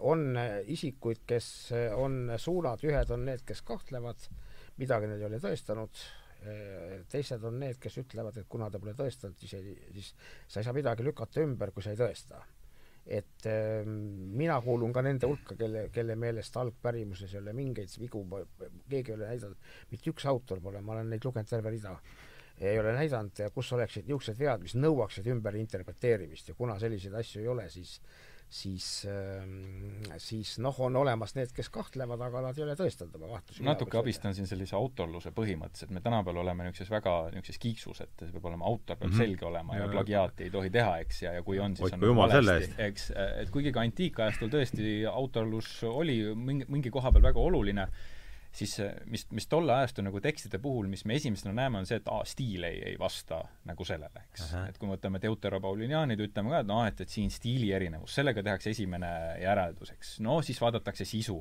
kas sisu ka ei ole, aga probleem, mis nüüd võib-olla sellisem uuema ajastu uurijas Kond on, on välja toonud pigem kriitilise siis sellisele nagu selle võib-olla väga ülbele ajaloolis-kriitilisele meetodile, ongi see, et väga paljudel juhtudel, nagu siin ka sai ennem Aarne poolt välja toodud, keegi teine kirjutas üldse selle. mõnel puhul äh, toimetati edasi, ma ei räägi siin praegu ainult Uue Testamendi teostest, ma räägin ka tegelikult äh, patristilistest teostest äh,, toimetati seda edasi kellegi teise poolt mm. -hmm. ehk siis see sisu oli sama ja me räägime siin tõesti koolkonnast. ja tihti me näeme, et kirikul äh, ei olnud sellist probleemi, et võtta kellegi nimi ja panna selle autoriteetse nime taha äh, Äh, oma äh, teos mm. -hmm. ja kuigi mõni võiks öelda, et see nagu on jõle suur süüdistus või, või, või äh, kuidas ütleme siis, õõnestamine, siis tegelikult see räägib midagi sellest kiriklikust vaimust mm -hmm. ja sellest, kuidas see apostellik õpetus ongi kiriku sees, nii et Pauluse teised, nii-öelda teisesed Pauluse kirjad või deuterapaulianid esindavad, see võibki keegi teine selle kirjutada, ta esindab ikkagi Paulust. mis sõna see nüüd oli, mis sa kasutasid? deuterapaulian, ehk siis Pauluse teised, et see, seesama kehtib ka tegelikult hilisemate kirikuisade tekstide puhul. kui sa lubad korra mulle ka, ma ei taha palju vaielda, aga see on hüpotees, mis ei ole, see on sama hüpoteesid, mis ei ole kinnitust leidnud, see tähendab, on teadlasi, kes pooldavad seda, mida nagu väitis Lauri mm, -hmm. Aga neil ei ole mingeid tõendusi, mitte miski ei keela Pauluselt pärineda nendel kirjadel, mida on oletatud, et erinevad ja vaidlus käib senikaua, kui leitakse faktid või neid ei leita mm. -hmm. ja, ja samad asjadega on paljude asjadega, et, et äh, on täiesti uurimused, kus antiikajal suhtuti võltsingusse samuti ja, ja, ja pääsesid ikkagi kaanonisse need, milles oli veendutud, et see on ehtne. isegi kui ta näiteks, oletame, et ei ole ehtne, siis nemad seda ei teadnud et mm. selle üle on väga palju, väga palju eri seisukohti no,, aga arvata, mina, mina kuulun selle hulka, et, et ütlen, et kui tullakse mingi muu seisukohaga, sa pead vara ümber lükkama ja kui ei lükka ümber, siis siis ilmselt me läheme Tauriga selles suhtes mingil määral eri, erimeelele, aga mina olen vana ortodoksi kiriku mees, ortodoksid on, ma loen ortodokse praegusest Ateena ja, ja, ja Müncheni ülikoolis, need väidavad endiselt täpselt seda juttu, mis ma praegu rääkisin on olemas lääne kirikus hüpoteese, millega midagi ei ole tõestatud. Ja küllap siin äh, praeguses oludes, kus meil kiriku elus on muidki asju, mille üle diskuteeritakse ja mis näitab, et järelikult asi on oluline, kui ei vaielda, siis on, ei ole oluline. et noh, et ma tahtsin, tahtsin jõuda selles mõttes ühtse, ühtsele kohale, et et äh, nii või teisiti oli Paulusel Apostlite tegude lõpuraamatus on kirjas, et ta jäi kaheks aastaks Rooma koduvangistusse ja on märge juures, et tal tohtisid seal sõbrad kohal käia. no mida ta tegi kaks aastat? kirjutas. täpselt klapib see aeg igatahes, et sealt võis tal valmida mitmed Roomast saadetud kirjad mm. -hmm. ja kusjuures kirjutati tõesti nii, nagu Tauri ütles, et mees ei pannud ise kirja, vaid ta dikteeris.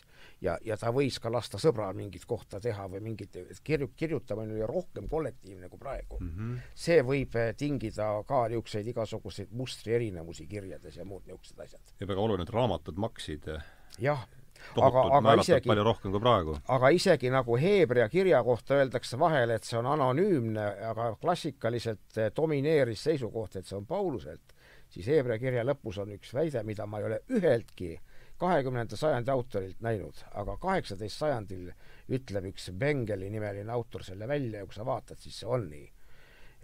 Viimases peatükis kirjutab Hebra kirjas, ütleb, et ma loodan, et ma varsti saan tulla teie juurde. teisisõnu, lugejad teadsid, kellelt see pärineb mm. -hmm see ei ole anonüümne, meie ei, meile pole pandud sõna, kes ta oli, aga lugejad teadsid, kellelt see tuli, see ei olnud mitte nii, et keegi võttis kätte ja muudkui teised, vaid ikkagi oli, oli tähtis niisugused asjad. nii, aga meil hakkab, siuhti on saanud tund aega täis ja nüüd on aeg, viimane aeg hakata jõudma siis teemani, et see on olnud väga äh, kaasahaarav vestlus. Vähemasti. Et äh, mm, nisutera see on nüüd kaheteistkümnendas peatükis, et enne kui me sinnani jõuame, et vaataks üldse nüüd, keskenduks nüüd siis Johannese. Ma kahjuks ei jõudnud seda, seda evangeeliumit enne, enne läbi lugeda, aga et räägiks, räägiks, et laias, niimoodi laia pintsliga, et mis siin siis, mis siin siin juh-, mis siis siin mis siis siin niimoodi juhtub ja kus on, mis on see kaheteistkümnenda peatüki siin on, kus kokku on siin üldse kakskümmend üks peatükki, näen ma praegu. Ja mulle tundub, see on ikkagi oluline, et võib-olla ikkagi siis see käis meil siin niimoodi juba korra läbi, aga see, seesama ikkagi see, me ei saa siin üle, üle ega ümber sellest esimesest salmist, eks, et äh, alguses see oli sõna ja sõna oli Jumala juures ja sõna oli Jumal. ja, ja võib-olla eelmises saates me rääkisime Dostojevskist ja Platonist, et kas me viskaks nagu väi-, niimoodi käigult välja, üritaks seda, üritaks seda, seda esimest salmi siin natukene kangutada ka, et äh, see on ju see sõna, mis siin on seesama logos, eks. et noh, minu jaoks, kui ma selle asja, teema vastu hakkasin huvi tundma rohkem, et, et see logos on ju palju-palju suurem asi kui lihtsalt see sõna, mida me siin, mida me siin noh, mis on see sõna, mida me siin pillume. no Tauri on minust palju kõvem keeltemees, Tauri võiks teda kohe kommenteerida. et see, et kuidas sa, sa ütlesid ka selle kreekakeelse, kuidas see oli? ja aga see alguses oli anarhii, arhe on seal jah ja., alguses jah mm. -hmm. et anna, anna palun mm, et ma saan aru, et Johannes teeb nagu, paneb kokku kusagilt on mul see olemas üle nopp-, üles noppinud, võib-olla jällegi on jäänud valed asjad meelde, aga et see on see Heebrea ja Kreeka traditsiooni äh, süntees äh,, et äh, et kas sa, punkt üks, kas sa oled nõus sellega ja kui sa oled nõus, siis siis äh,, siis jah, ühesõnaga palun arutle sel, arutlege sellel teemal natukene no siin on, on, on erinevaid, et kunagi oli tõesti see selline see Kreeka loogose hüpotees, et, et, et seda viimasel ajal ikkagi seda Kreeka loogost sinna väga ei, kuigi see kreeka keeles on, siis hellenite loogost, mis on tegelikult ju printsiip või mhm, põhimõte mm, -hmm. et ta erineb kreekakeelsest sõnast leksis, mis tähendab sõna, eks, mis on siis selline mm -hmm. grammatiline või keeleline sõna, loogos äh, on tõlgitud noh, väga, seda saab tõlkida väga eri, eri moodi, et ta on teadmine, tarkus, mõtlemine äh,, äh, alge, printsiip, põhimõte, kõik, et tal, tas on nii, nii palju eri, eri tähendusi. aga, aga võib-olla selle logose põhiline kontseptsioon, mida usuti või arvatakse olevat, on see, et ta ikkagi pärineb nii-öelda Vanast Testamendist ja pigem nagu juudi traditsioonist, mis küll võis olla integreerinud endasse juba hellenistlikku, ehk siis äh, nii-öelda hellenistlikud juudid on meil juba ju tol ajalgi olemas, Filon nende mm -hmm. seas äh, ja, ja noh, selline üks peahüpotees on see, et ta arvatavasti sai šnitti nii-öelda ka Filonist võis saada või, või võtab selle kuskilt ka mujalt, aga, aga et see on Sofia. et see, see logos, mis seal sees on, on Sofia ehk Aha. tarkus. ja nii nagu kui Konstantinoopolis oli püha tarkuse kirik ehk Hagia Sofia kirik, ja, ja tarkus on, on seal siis seesama logos, eks, kelle läbi kõik on loodud ja kelle läbi Jumal loob ja toimetab ja teeb, nii et, et selles mõttes see arvatakse, et, et olevat, on, on nagu see on selline pea- või baashüpotees. kindlasti võib neid seal teisigi olla ja, ja ma täpselt äh, ei pea ennast nii kõvaks meheks, et ma oskaksin minna Johannese pähe mm -hmm. ja, ja seal öelda ära, mida tema täpselt mõtles, et ma arvan, see jääb ajastu käest lukku nii või teisiti.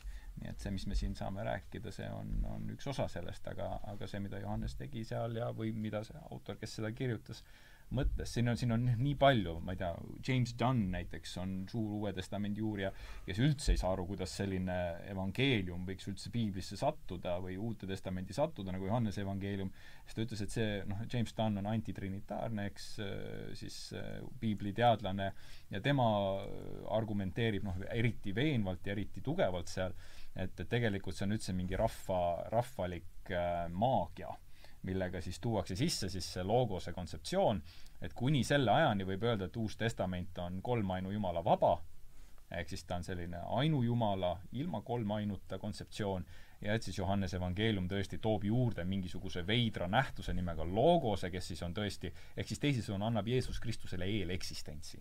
eks see on see Johannese evangeeliumi selline baaskontseptsioon, et Kristus eksisteeris enne mm, -hmm. kui ta tuli ja sai inimeseks, ehk siis lihaks saamise baaskontseptsioon, millal kristlus suuresti baseerub. no see vorm oli olemas üleval ja siis Just, aga, aga ühesõnaga, et, et siin on väga, palju eri kriitikuid ja mõtlejaid olnud, on ju, et, et kes tahab, saab seda James Dunni kontseptsiooni veel nagu edasi vaadata. mis aasta aga... tema elas meil?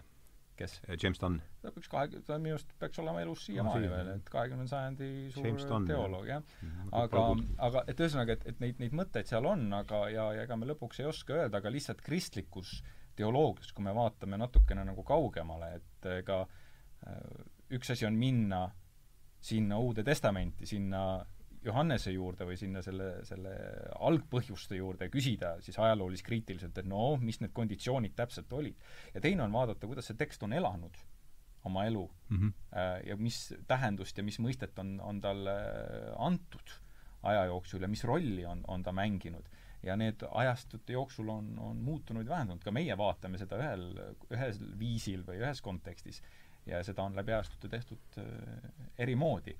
Aga, aga jah, loogost on, on siiski doktrinaalsetes väitlustes, nagu ma ka välja tõin, saadigi aru kogu Aleksandria koolkond tegelikult Filon oli Aleksandrias. Filon oli samamoodi, Aleksandria koolkond võtab ikkagi selle täiesti erinevalt Antiochia koolkonnast, võtab aluseks, ehk kas siis, need olid suur, kaks suurt keskust? Äh, no seal oli neid teisigi, aga, aga neljandal, viiendal sajandil Aleksandria, Antiochia jah, saavad niisuguseks paralleelkeskusteks küll, just kristoloogilistes küsimustes ehk Kristuse küsimustes. ja seal arutelul tõesti siis nii-öelda Aleksandria koolkond äh, võtab sellesama ehk siis baasküsimus, et kes on Kristuse isik. Kes, mis, mis isikust me räägime ja tema isikuks on Jumal sõna. samas kui Antiochia koolkonnas võis jääda mulje, et seal on ka Jeesus natsaretlane, on ka teine isik kõrval. ehk siis Jeesus pluss Logos et nagu kaks isikut, kes siis see on Antiochia seisukoht? see on niisugune, noh, võib sinna Jeesus minna, Antiochiat suuresti võib-olla ei tunnista seda, aga noh, Nestorius läheb yeah. laias laastus sinna. et kui me võtame Aleksandria Nestorius on Antiochiast või? noh, ta on üks suur Antiochia mm -hmm. esindaja, jah mm. -hmm üks paljudest mm, -hmm. koos Mopsest ja Theodoros ja teisedki, kes seal veel on. aga ka Johannes Kultsu kusjuures, Johannes Kultsu on ka Antiochia koolkonna esindaja. ja selle tõttu Johannes Kultsu näiteks kuni lõpuni oli tal raskusi Neitsi Maarjat Jumala sünnitajaks kutsuda, aga see on pikem doktrinaalne mhm. küsimus mm, -hmm. aga, aga, aga see, mis, mis võib-olla öelda, ongi see, et see logoses saab lõpuks selle Kristuse identiteedi kese ja kiriklik doktriin, äh, kolmas ja neljas oikumeeliline kirikukogu sellega sätestavad, nii et see tegelikult käib kõik, mis ma tahan lihtsalt öelda, see kõik käib selle Johannese evangeeliumi ümber. Ja, ja seal tehakse katseid interpreteerida küll, et Aariuski suur esimene herise, jälle seesama esimene fraas, ütleb, et oli juures. Ütleb, et oli Jumala juures ja tema argumentatsioonis tähendas see seda, et Jumala poeg või Jumal loogos on loodud olend, kõik. eks tema tegi oma järelduse sellest, nii et kõik on käinud tõesti debatt selle kirjakoha ümber läbi sajandite ja see on olnud tuline, tuline vaidluskoht seal. Arne, tahad sa lisada midagi? no jaa, ei, loomulikult see on nii avar teema, no ütleme niimoodi, mis, mis ma, mis ma lisaksin, mis mulle meelde tuli, et et see logose mõiste, Kreeka mõiste oli ka ju Efesose filosoofil Herakleitosel juba viissada aastat enne Kristust mm. -hmm. ja kui nüüd. Johannes arvatavasti, Euseb või see Ireneus ütleb, et ta Efesoses avaldas oma evangeeliumi, mitte kirjutas, vaid avaldas Efesoses Eh, siis ähm, äh, õigesti aru, et Johannes avaldas Efesoses? jah, mhm, seda mm, -hmm, seda kirikuisad teatavad, et ta Efesoses äh, avaldas oma evangeeliumi ja üldiselt selles, üldiselt, et ta seal, seal, seal see evangeelium äh, kirjandus raamatuturule paisati, selle, selle üle üldiselt ei vaielda. Ja igatahes on niisugune märgiline tähendus küll, et selles linnas kus viissada aastat varem oli logose mõistet eh, linnakuulus filosoof kasutanud, et seal võtab Johannes selle kreekakeelse sõna eh, oma heebreakeelsete sõnade nagu tarkus või hokmaa või need on, sarnasel viisil räägitakse Jumala tarkusest Vana-testamendi õpetussõnades, Saalomoni tarkuse raamatus, ja et ta niimoodi selle eh, kreeka sõna võtab sellel viisil kasutusele see on silmapaistev eh, saavutus ja see näitab seda, mismoodi filosoofiat tulebki kasutusele võtta. Paulus oma kõnes Ateena Areopaagil näitab sedasama ja kui me filosoofiat ei võta, siis mida me võtame üldse, kuidas, kus, kus me ei pääse üldse seletamistest mööda. et igatahes ju ka see Johannese evangeelium läheb ka selle äh, seletamisel kõige kaugemale, mis see kolmainsus, see mida Tauriga viitas, kolmainsuse interpreteerimisse ja sellesse üldse kontseptsiooni kui sellisesse, et eks ta kasvab ikka sellest välja ka vähemalt üks element, et eh, kuidas kirjeldada Jeesuse erakordset nähtust. sellist asja ei ole Iisraelis enne nähtud, öeldakse tema puhul. ja see on usutav, sest üks lihtne mees lõi nii võimsalt läbi tema peaasetäitja on maetud Rooma või pea, tema apostlite vanem on maetud Rooma Peetri kiriku alla. see, see tohutu, tohutu asi, mis seal oli, see väljendab ju seda, et ütleme, inimese tee on religioon otsib Jumalat ja püüab Jumalaga kontakti leida, aga Jeesuse puhul pannakse tähele, et siin on Jumal kohal. enam ei otsita, vaid tee on lõpuni käidud. kuidas nüüd väljendada, kumb ta siis nüüd on? on ta nüüd Jumal, on ta inimene? ja, ja see vaidlus käiski selle üle, et, et, et ta peab olema mõlemat ja mhm. Uues Testamendis ongi öeldud mõlemat tema kohta ja siis see, mida Tauri just rääkis, diskussioon oli, kuidas neid asju siis asjakohaselt kokku panna. ja sa ütlesid, et Aarius on esimene suur herees ja tema oli, eks ole, ta ütles, see, see läks just selle, nii, jällegi nii vähe, kui mina mäletan, oli see, Aarius eitab, Aarius eitas jumalikku päritolu või? jah, tema ütles, et ta on loodud olend, loodud olend. aga, aga selles mõttes, et see Kristus et on inimene jumalik, seda nii Aleksandr kui Antiochia mõlemad suuresti rääkisid, aga nüüd ongi, et kuidas see vahekord on. Et, et Kristuses nagu ei piisa või noh, see doktrinaarses küsimuses ei piisanud vaid sellest, sest et ka Nestorius ütles, et ta on täielik jumal, täielik inimene. aga see läks nii-öelda kiriklikus mõttes juba hereesiasse. ütle mulle palun Aariuse eluaastad veel või kus ta toimetas? Aarius peaks kolmesaja kuuekümnendatel surema mm, -hmm. ma täpselt ei mäleta. neljasaja esimene pool. jah, kuskil. jah, et enne kolmsadat. jah, et ta aga aga Aariusega ju niimoodi palju võib veel öelda, et seal tuleb see sõna hereesia välja, see kreeka sõna hairesis tähendab ju väljavalik. E, ja hereetiku klassikaline etteheide on, et ta ei võta mitte kõike, vaid valib välja, mis meeldib mm. -hmm. ja Aariuse suhtes on edaspidi kommenteeritud küll, et ta on üks esimesi liberaalseid teolooge, näiteks on isegi nii öeldud, et need, kes võtavad kätte ja modernistlikul viisil tõlgendavad ümber, seda talle heidetigi ette, et ta võtab kätte ja esi-, esitab kontseptsioone, mida varem kirikus eh, ei ole tuntud, eh, mis apostlite ajast on tulnud, ja et ta osa asju jätab kõrvale. et see on Arjusele niisugune põhietteide olnud mm. -hmm. Ole hea, Tauri, mm, mul läks kuidagi et see neljandal-viiendal sajandil oli kaks keskust, Aleksandria versus Antiochia ja Antiochia seisukoht on Jeesus pluss loogos, et Aleksandria ütles siis äh, loogos, kes sai inimloomuse endale, ehk siis tema identiteediks, et Antiochia laias laastus räägib kahest identiteedist Kristusel. ja, ja, ja Aleksandria koolkond räägib ikkagi ühest identiteedist, et kui me räägime Kristusest, me räägime loogosest. loogos, mis sai lihaks siis oluliselt. just, just mm, -hmm. ja mhm. selles mõttes ta saab endale inimloomuse, aga ei saa inimisikut ja see võib võlada, kõlada võib-olla veidralt, aga tõesti niisuguses doktrinaalses äh, kristliku kiriku keskses õpetuses Jeesus Kristusel ei ole inimisikut ehk siis inimlikku isikut, tema inimisikuks on Jumala isik, võime siis nii öelda, et tekib selline huvitav asi, et laias laastus Jumala isik esindab inimest. kui inimene tahab süüa, siis Jumal viib oma inimese sööma, küsime siis, ütleme siis selle kohta niimoodi. seal tekib selline vägagi salasuslik ja vägagi üle mõistuse kontseptsioon, et, et võiks öelda, et Antiochia oli nagu loogilisem natukene mm -hmm. lähenemine äh, pigem oligi sellisem ajaloolisem või, või filoloogilisem isegi, nii nagu nende see niisugune keskus ka oli, aga Aleksandria on, on, vaatab asju jah, natuke niisuguses äh, teistsugusemas pilgus ja, ja ütlebki, et Jumal sõna löödi ris-, oma ihus risti, et kasutab niisuguseid asju, mis Antiochia meestel ajas ajas karva, karva turri, ütles, et kuidas, Jumal ei saa ju jumalat ei saa risti lüüa, mis juttu te ajate, mehed, nii et ühesõnaga, seal on, see on pikem lugu. poeetiline tõde ja, ja just, aga ka lihtsalt Aleksandr Antiookil on eri lähenemised, üks, üks vaatab võib-olla jah, sellises kõrgemas ja võiks öelda ka natuke filosoofilisemas ja, ja võib-olla platonistlikumas kontseptsioonis, seal on teatud mekid on, on lähenemistes kindlasti juures. kas see Aleksandria on nagu Platonile lähemal või?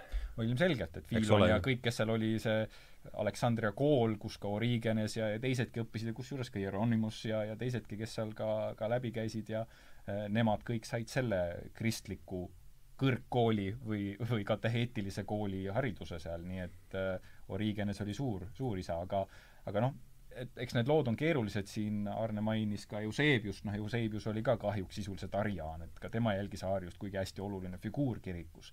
nii et, et siin asjad on, on suhteliselt komplekssed meil, meil tihti ja ajastu vaidlused on, nagu nad on. no nii, aga tõmbame siis praegu, meil on kusagil nelikümmend minutit, võiksime, võiksime veel niimoodi vabalt üritame kusagil kahe tunni peale selle niimoodi kahe tunni peal kokku võtta, et nüüd oleks küll aeg siis minna sinna, et et ma loen ette siis selle juhtmõtte nüüd uuesti veel, et oleme rääkinud taustast pikalt ja ei tahtnud et äh, salm ise on siis selline, Johannes kaksteist kakskümmend neli. Äh, tõesti, tõesti, ma ütlen teile, kui nisuiva ei kuku mullasse ega sure, jääb ta üksi. aga kui ta sureb, siis ta kannab palju vilja ja see, vähemasti ühes kohas tuleb see veel ette, ma, minu meelest oli veel teine koht ka, aga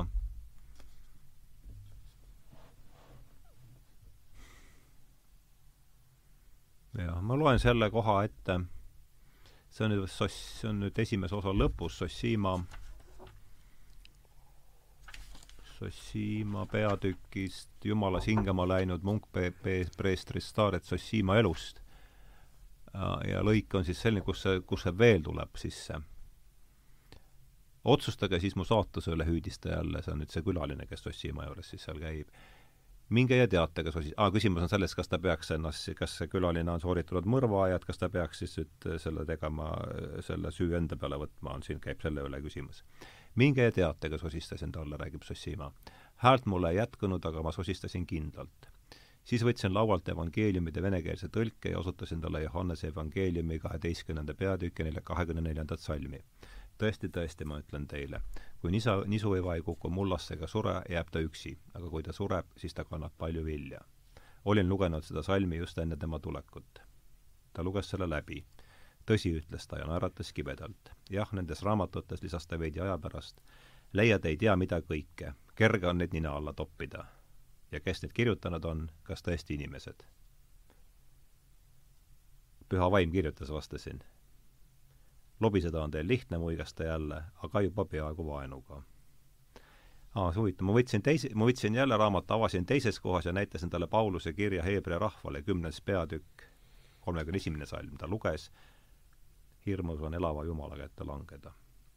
no nii äh,. see oli siis kuues raamat? see on kuues raamat, jah, see on kuue, see on esimese peatükk, esimese osa lõpp, kuues raamat, jah mm. -hmm. et siis nüüd sõnase vestluse põhiteema. mida see mis see kõik võiks siis nüüd lõpuks tähendada? kogu selle, kogu selle jutu taustal, mida me siin täna kuulnud oleme ja miks?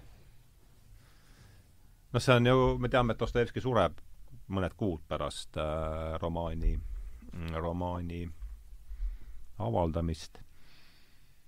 et siin on mõtlemist kui palju mis, kes tahab sellega nüüd, mida, alustame sellest, mida kuidas evangeeliumi kohast endast. jaa, alustame evangeeliumi kohast endast, jah, just jah, et mis, hakkame siit pihta, kes tahab. Arne võib-olla avaldada oma mõttes, kuidas temale see sul on ju see... vene, vene, vene selle religioosse mõttega, oled ju uurinud seda niimoodi?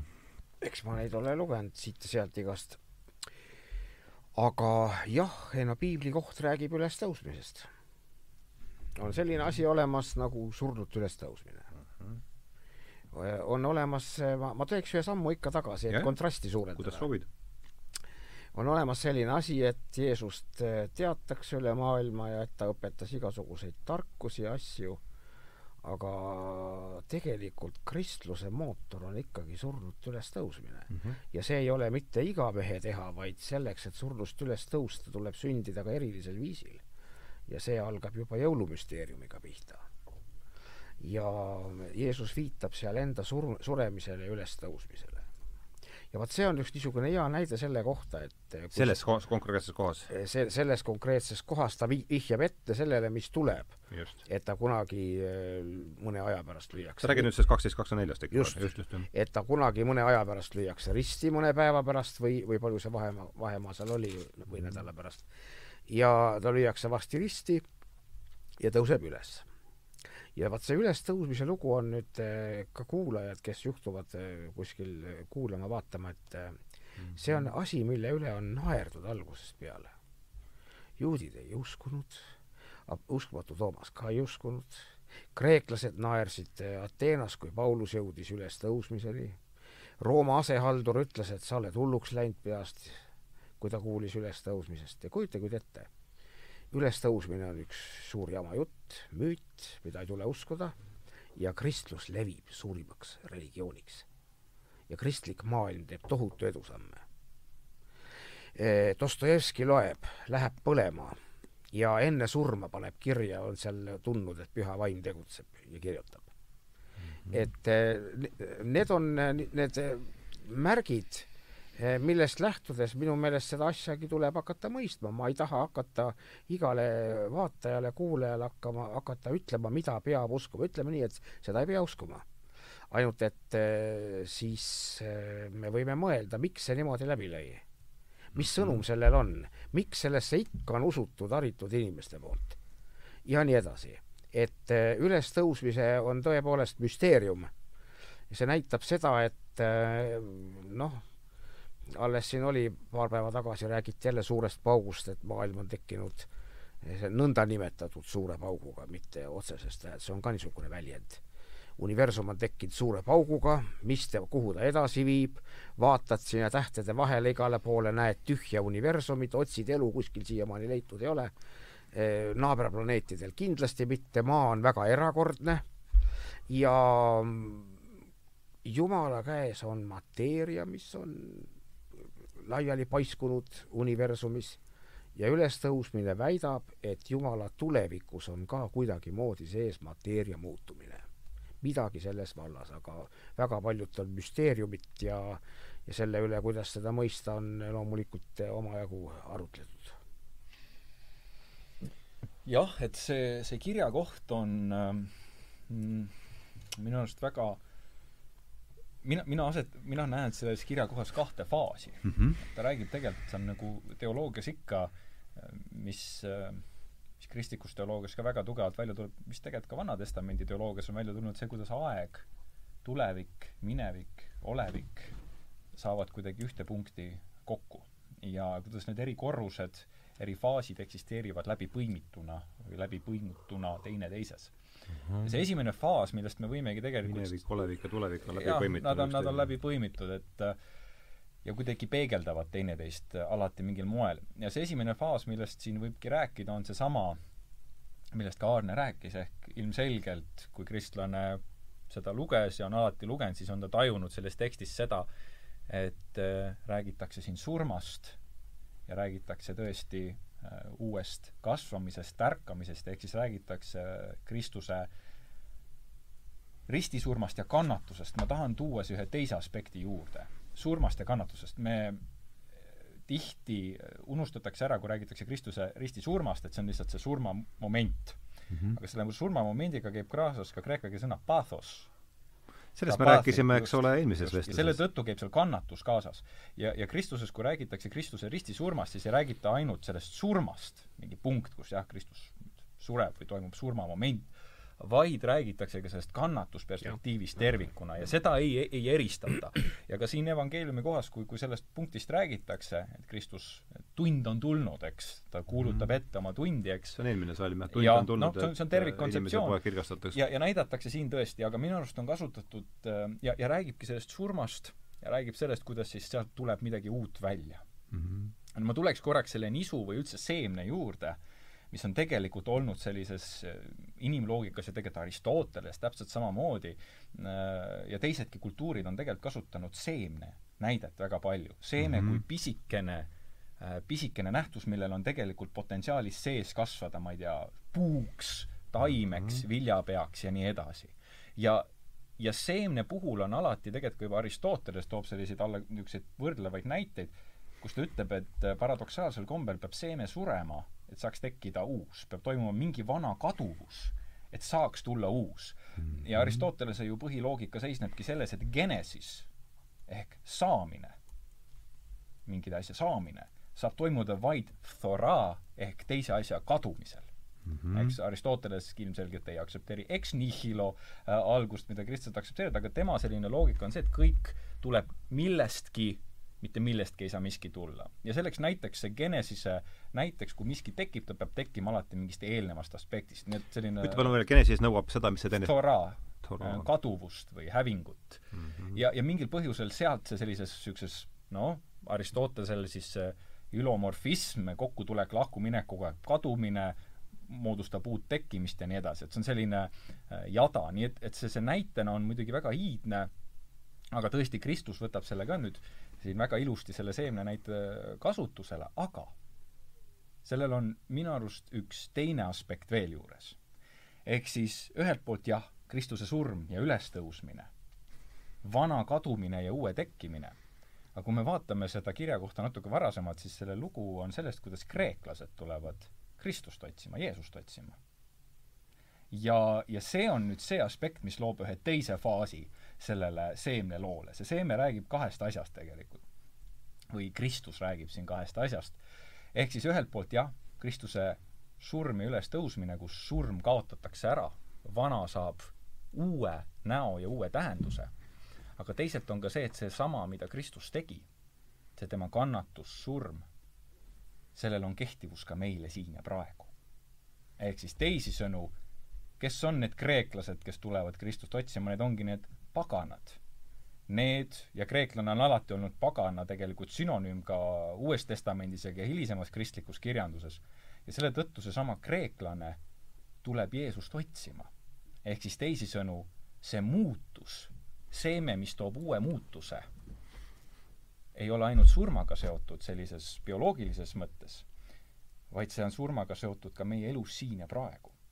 ehk siis kreeklased surevad ka oma vanale minale, oma vanale usule, oma mhm. vanale arusaamisele ja toimub muutus toimub, meeleparandus toimub, Kristuse avastamine ja Kristuse eeskuju on see, see seemne suremine ja uue tärkamine on see, mis tärkab või, või, või tekitab inspiratsiooni inimestes ka oma eludes.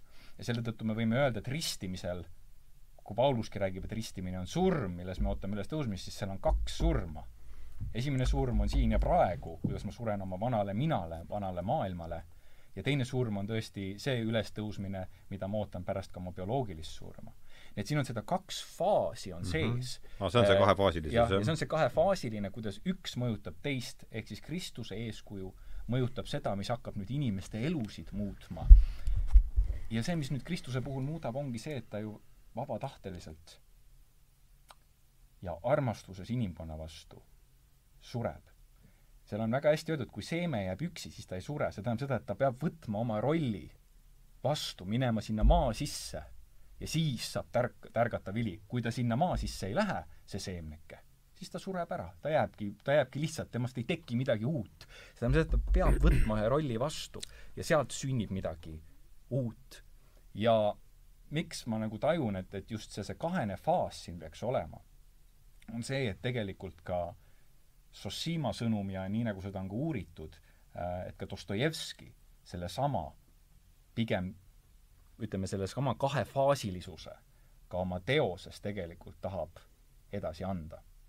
ja see lugu siin on tegelikult palju pikem, ka üheksandas raamatus on öeldud, et seesama tegelikult vastus Sossima annab, kui, kui äh, ka nii-öelda Aljoša siis küsib Sossima käest, et mida siis teha ehk siis teisisõnu, et äh, kui me räägime Dmitrist, Dmitri mhm. kannatusest, et mida siis teha, et ta oma kannatusest välja saaks ja kui me natuke vaatame Ivani lugu, kes on ju agnostik või noh, ütleme ateist ja, ja, ja skeptik, modernismi ja, ja, ja muu Lääne-Euroopa sümboliseerija, ja ta räägib suure inkvisiitori loo, siis minu arust see evangeeliumi koht vastab nii Ivanile ja vastab kõigile küsimustele kui me vaatame, milles siis Ivan kahtleb, Ivan ütlebki seda, et tema ei saa uskuda Jumalasse, kes lubab kannatusel olla siin maailmas.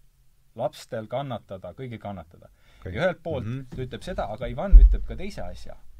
et inimene, suurinkvisiitori näol, inimene ei ole valmis seda kannatust tegelikult välja taluma. sellepärast, et Kristus, nagu süüdistab Ivan, ütleb, et Kristus ei, ei mõista inimloomust ja miks ta ei mõista inimloomust selles süüdistuses, sest ta andis inimesele vabadusele, aga inimene ei kannata välja vabadust, ta ei suuda oma vabas tahtes otsida äh, tegelikult armastust ja mis see nagu baaspoint minu arust sellel vastusel siin ongi see, et kannatus, surm ja kannatus, seesama paathos, me saame seda interpreteerida nii, nagu Ivan seda interpreteeris. mis tähendab seda, et Ivan lõpuks, on ju, eks, põhimõtteliselt tapab ära ennast, on ju. enesetapp elu on mõttetu, kannatus on mõttetu. või me saame kannatust ja surma interpreteerida nii, nagu Kristus seda mhm. iseenda peale võttis, armastuses ja vabaduses. ja siis hakkab see enese peale võtmine muutma maailma ja inimeste elusid. ja ma arvan, et see on see keskne roll ja see on seesama see keskne punkt, mida siin tegelikult Dostojevski tahab ka mingil määral öelda, ongi see, et Dmitri ja te kõik leiate, kui te oskate vaadata, siis te leiate kannatusest hoopis võimekuse armastada mm. -hmm. see, mida te, kui te näete teiste või ligimese kannatust ja enda kannatust, siis olgu see teie vaba tahte treeninguks, et te õpiksite armastama. nii nagu Kristus seda tegi. ja see vastus Ivanile ja kõigile teistele ongi, et Kristus juba tegi ära selle. tema muutis maailma ja muutis meie elusid ja kui te selle vastu võtate, siis sureb ka teie seeme, see saab panda, pandud pinnasesse ja te tärkate uuele elule, te tärkate uuele vabanemisele ja armastusele. nii et ma, mina näeksin selles jah, keskses punktis äh,, mis ka tegelikult Dostojevskil on kesksed punktid, on armastus, kannatus ja vabadus. et need kolm punkti, mis nüüd seotakse üheks mm. -hmm. ja, ja selles mõttes on Dostojevski geniaalne selles, selles, selles teoses ja, ja minu arust just valib ka selle äh, kirjakoha, ma kusjuures vaatasin ka, kuidas kirikuisad on seda kirja kohta interpreteerinud ja neil on täpselt seesama kahene faas tuuakse tegelikult sisse nii Mopsuest ja Theodorus kui ka Konstantinoopoli Proklus näiteks seda oma eksegeesis ja oma mm, interpreteeringus siis ka välja toovad. aga võtame Arnele ka vahe, anname Arnele vahepeal võimaluse ega ei ole, ei ma kuulan huviga, siin midagi täiendada pole, sa rääkisid oled sellega nõus? E, olen nõus, sa rääkisid korralikult asja lahti, eks neid faase annab juurde vaadata, mis mul meenus, oli see, et et Paulus on ju samat asja, sama, sama asja kirjutanud, kusjuures Paulus kirjutab kirja korintlastele, kus on kreeklased valdavalt, või siis koguni Rooma päritolu juudid ja niisugused, aga igatahes hellenistlik, hellenistlik kultuur igatahes. Ja Paulus kirjutab äh, Korintuse koguduse esimeses kirjas, viieteistkümnendas peatükis, kus ta, kus ta ka räägib just ülestõusmisest, räägib äh, seoses äh, nisuiva külvamise, muutmisega ja suremisega ja nendega selles, selles äh, samas kontekstis. ja mis puudutab äh, seda aspekti, mis sa ütlesid, et see, mis seal on ka Dostojevskil jah, et ei saa Jumalat uskuda, kes kannatust äh, lubab, siis minule on jäänud alatiseks meelde üks isiklik niisugune kogemus, kuidas ma Usuteaduse Instituudis, kus me oleme Tauriga õpetamas, kus ma seal läksin ükskord mõned aastad tagasi, oh, võib-olla kümme aastat tagasi, läksin Eh, raamatukogu hoidlasse ja seal vaatasin, olid kirikuisade teosed, lõin ühe lahti Ireneuselt. ja pärast ma otsisin selle koha kodus ka veel üles. ja lugesin, mis seal kirjas oli ja oli ka umbes selline, et inimesed kurdavad teisel sajandil, et kuidas Jumalat saab olla, kui ta nii palju kannatusi lubab mm. -hmm. ja minu vastuväide on sellele või minu meede selle, ütleme minu, mitte vastuväide, minu väide sellega seoses on see, järelikult on see nõrk argument kui teises sajandis siiamaani on see kuulutus sellest jumalast väga miljarditesse läinud. et see, mis tundub tugev, see argument on järsku nõrk. Sest see pole, kui see peaks olema tugev argument, siis ei peaks ju uskuma jumalasse. aga siiski, just hoolimata sellest, et seda alati siiamaani on kosta, kuidas seda jumalat saab olla, kui ta lubab nii palju kannatusi ja samal ajal kristlik veendumus levib see on teodiike probleem ju nii, nii vähe, kui mina sellest aru saan. ta lööb, kuidas ta, järelikult kuskilt otsast see argument on ka nõrk, tegelikult. Et äh, taas meenub niisugune lugu, kuidas üks mees, kes oli Bosnia sõjas ja oli kirikus, istus ja tuli mulle rääkima, et ta oli seal, et äh, see oli kusagil üheksakümnendatel, et kahelt poolt tuldi ja läks tulistamiseks päriselt, nemad olid ÜRO rahuvalvajad ja siis järsku jõudis kohale, et peale teist maailmasõda keegi ei uskunud sõda Euroopas mm. -hmm. et nüüd ei olegi, et mitte, mitte õppused ei ole, me ei ole mitte rahuvalvajad, vaid päriselt surrakse nüüd. Ütles, et kõik hakkasid Jumalat appi hüüdma. nii need, kes uskusid, kui need, kes ei uskunud. ja vaat siin ongi see, et ka seal, kus öeldakse, et kus Jumalat ei saa olla, kui ta nii palju kurja lubab, siis ilmselt siin taga on mõt-, mõistmatus, aga mitte uskmatus veel, sest seal kuskil inimene aimab midagi igatahes jah, et see tegelikult, kui me natuke sellest kannatuse teemast räägime, siis patristilised teosed on äh, süstemaatikutele, ma arvan, süstemaatilistele teoloogidele väga huvipakkuvad, sest just nemad ka sellest kannatuse mõtestamisest räägivad. väga palju. kas patristika on see vana kirikuisade pärimus? kirikuisade pärimus, jah mm. -hmm. mis on ka minu nii-öelda eriala, mida ma ka uurin ja, ja tegelikult patristikas äh, mulle, lugesin ühte, ühte artiklit, mis ütles ka, et noh, et see Dostojevski kontseptsioon sellest kannatusest, et see on kuidagi vei-, et nagu veider, et see niisugune, kuidas see nagu kristlik saab olla, üks evangeelne kristlane seda seal kirjutas, uuris Ameerika Ühendriikides, ütles, et noh, see küll väga selline kristlik lähenemine ei ole, et kuidas sellises kristlikus keskses diskussioonis nüüd mingi kannatuse põhimõte saab olla, et see on mingi Dostojevski oma vaade, eks, kuidas ta siis nii-öelda tolle ajastu siis äh, modernistlikele eurooplastele vastust annab, aga ma ütlen, et see, see artikkel, kes või see isik, kes selle artikli kirjutas, on lihtsalt jah, väga suures teadmatuses selles, mis on kiriku ajaloos ja kiriku kirjanduses ja kirjutistes nagu arutletud ja vaadatud, ja kannatuse küsimus on üks, üks keskne küsimus, ka Teodike küsimus on juba tegelikult võiks öelda aastatuhandeid olnud üks keskne küsimus ja sellele on antud väga palju vastuseid, on vaja natuke lihtsalt vaadata ja uurida, mis, kuidas neile on vastatud. ja kirikuisade perspektiivis ikkagi mm, kannatust ehk siis teisisõnu, kannatust on mõtestatud, see on seesama küsimus, mida Viktor Frankli ja, ja teisedki küsivad, et kas ma saan kannatust mõtestada, kui ma ei suuda kannatust mõtestada, siis ta muutubki mõttetuks ja elu muutub mõttetuks ja lõpuks võikski ennast kohe ära tappa, sest noh, kõik on ju absurd ja mõttetus. mõned kaasa veel võtta. jah, just, ja Dostojevski teeb kriitikat sellele samale kontseptsioonile, et kas te suudate mõtestada lihtsalt kannatust. ja tema vastus on see, et Kristus mõtestas kogu kannatuse ära, sest tema ise läks läbi kannatuse, see paathos, mis läks see nisu, mis nii-öelda siis tärkab. ja see on nagu midagi, mida sellises võib-olla kannatuse keskel, seda oma hammaste vahel tunnetades, võib-olla ei suuda või ei oska seda kohe näha. aga võib-olla elus ja tajus ühel hetkel me, me oskame ja ma arvan, et see ei ole võib-olla isegi nii väga intellektuaalne diskussioon kui eluline ja Sossima annab siin ühe võib-olla sellise askeesi traditsioonis, mis ongi väga praktiline, eluline, see tähendab seda, et me mitte ei arutle, ei vaidle nende asjade üle, vaid me elame seda mm. -hmm. ja tõend sünnib elus. ja kui me vaatame, Dostojevski toob seda väga välja seal, kuidas tegelikult suurinkvisiitorile Jeesus Krist-, suurinkvisiitor, kes pidas suure teoloogilise, filosoofilise traktaadi maha Kristusele, kuidas asjad on. Kristus suudleb lihtsalt mm -hmm. teda vastuseks, see on kogu vastus, suudlus ja, ja, ja kusjuures sama asi on, on ka Sossima suudleb ka Ivani, eks. et see vastus tuleb seal ja see on nagu teise tasandi vastus, mida selline äärmus, ma ütleks just äärmusratsionalistlik või, või selline jah, äärmusratsionalistlik võib-olla vaade ei, ei taha nagu, nagu sisse tuua või, või äärmusfilosoofilis-ratsionalistlik vaade ei taha nagu sisse tuua. keda esindab siis selgelt äh, Ivan ja tema, ja tema karikatuur Smerdjakov. just, et, et selles mõttes ju kogu see noh, Dostojevski toob ju maailmavaated oma isik, isiksustab need ära tegelikult seal ja need argumendid ja vaidleb need vaidlused lõpuni seal. aga mm, -hmm. aga ma arvan küll, et, et see kannatuse küsimus, et võib-olla kui Shakespeare küsib, kas olla või mitte olla, siis mulle meeldib Damascuse Johannes vastab sellele, et küsimus ei ole, ei ole selles, kas olla või mitte olla, vaid selles, mida oma olemisega peale hakata. no muidugi, loomulikult. Nii et, et see, et see küsimus läheb pigem, pigem sinna, et ja, ja võib-olla me tõesti vaidleme nende teemaga, kas olla või mitte ja miks ma üldse eksisteerima pean, ja Damascuse Johannes ütleb minu arust väga vahvalt, et kuna mina ei ole valinud selles mõttes oma eksistentsi, see on mulle antud, ja, ja see, mida mina saan valida, on see, mida peale hakata, kas ma kasutan seda hästi või halvasti, kuhu ma selle suunan ja kuhu ma viin.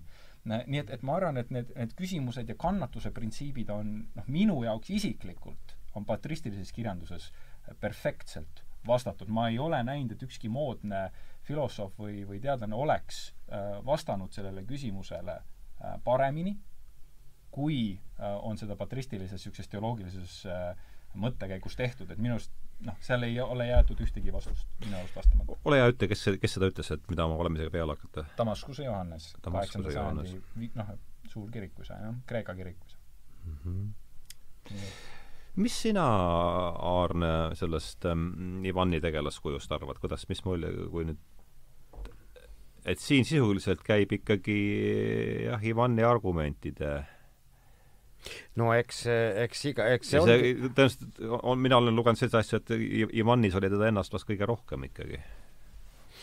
väga võimalik. ja ei no see on nii, nagu Tauri ütles, et, et eks see asi tulebki erisituatsioonidesse, kus inimesed võtavad jälle sedasama teemat uuesti läbi. ja seesama teema ennast niimoodi avas, avas Dostojevskile. ja mulle meenub ikkagi Ivan Iljin on väga ilusasti öelnud, üks vene religioonifilosoof, et et äh, osutades mõningatele vastupidistele arvamustele, keda minu teada Hermann Hesse on väljendanud, aga küllap on neid teisigi, kes on näinud venelaste tõe otsimises ja ka religioosse tõe otsimises äh, destruktiivsust ja niisugust, et pühak on ühtlasi kurjategija ja ja et Hesse väljendab ka midagi taolist ühes oma kirjutises ja Hesse muidugi on, on hea kirjutis, tõeliselt hea kirjutis, ma ühes oma uues raamatus seda tsiteerin. see läks liiga kaugele, aga Iljin ütleb ilusasti, et kes taipab ära, et, et vene inimene otsib tõde ja tõelist elu mõtet, kannat-, kannatuse mõtet, kurja, kurjuse maailmas elu mõtet, mis päriselt on olemas, kes seda taipab, sellele avanevad kõik vene kunsti ja kirjanduse suured aarded ja siis loetleb terve nime, nimestiku ja siis ütleb, et kes seda asja niimoodi ei võta ja sellest destruktsiooni või niisugust asja näeb, et sellel oleks parem, kui ta enam ühtegi sõna Venemaa kohta ei ütleks. No ma mäletan, sa tsiteerisid Iljini seda selles, aga see on no, see on kena kena, kena tsitaat selles mõttes jaa, et Dostojevski on selles maailmas sees, tema jaoks on eh, kristlik tõde tähtis, see läheb talle väga korda ja, ja, ja need, niimoodi sellest asjast tuleb seda ka näha ma ise, ise spekuleerin, et, et pigem ikkagi Dostojevski vaidleb vastu Ivanile. et, et, et selles mõttes Ivan, Ivan representeerib seda niisugust äh, modernismi ajastu mõtlemist, mis Venemaal oma, oma rolli just. täitis ja ta teeb selle argumendi seal ära mm, -hmm. kasutades ja. oma, oma, oma vahendeid selleks, kuidas siis sellele vastu argumenteerida ja, ja ta toob jah, ortodoksi sellise askeesideoloogilise äh, pärimuse sinna, sinna, sinna tegelikult sisse aga sest et noh, keegi, on ju hästi öeldud, et Dostojevski ka teistes teostes ju äh, sellised lääne modernistid on need, kes alati ennast ära tapavad, et, et tal on kuidagi, ta nagu toobki selle sellise põneva mustri seal välja yeah., et kuidagi selles äärmusmaterialismis, nihilismis ja ratsionalismis elu muutubki lõpuks mõttetuks ja, ja, ja sellel ei ole enam mingit mõtestust. väljakannatamatuks. ja ta muutub väljakannatamatuks ja ta lõpeb, see on noh, Dostojevski niisugune mõte, et ta lõpeb jah, mingi mingi hävinguga, just lõpliku hävinguga. et ma arvan, et Aarne tõi siin nagu sellise põneva punkti välja, et kui me nagu Vene seda mõttelugu tahame mõista, siis, siis kuigi seda võib tunduda hävingulisena, siis me, me peame vaatama seda, mis jätkub selles, ehk siis teisisõnu, nagu ma ütlesin nii su pärast edasi saab. jah, nagu ma ütlesin ka nii, nagu Aristoteles tegelikult ka seda ütles, et kaduvuses on oma sünd ja oma, sellel on oma puhastus, oma, oma tärkamine. kui me rääkisime, surm võib olla ka ülimorbiidne nähtus see, millest me rääkisime selles äh, kuuekümnendas saates, jah? aga ta võib olla ka midagi enamat. ja need on nii perspektiivide küsimused ja minu arust Dostojevski toobki siin mängu selle, et kui te toote usu ja usute, et te suudate mõtestada, siis see ka muudab teie elu. kui te ei usu sellesse ja ei too seda sisse ja ainult argumenteerite, ratsionaliseerite, kahtlete, kõik on nagu üks suur segapundar, siis ta ei too ka teile muutusesse. ehk siis mõlemal on õigus. mõlemal on õigus ja Ivan jõuab sinna, kuhu tema jõuab ja, ja näiteks Dmitri jõuab hoopis uuele avastusele selles oma, oma, oma kannatuses. nii et, et see ongi see, kuhu see igalühel viib ja see lõpuks on ka tegelikult, nii veider kui see ei ole, usu küsimus äh,, julguse küsimus uskuda ja, ja valida seda, seda teed.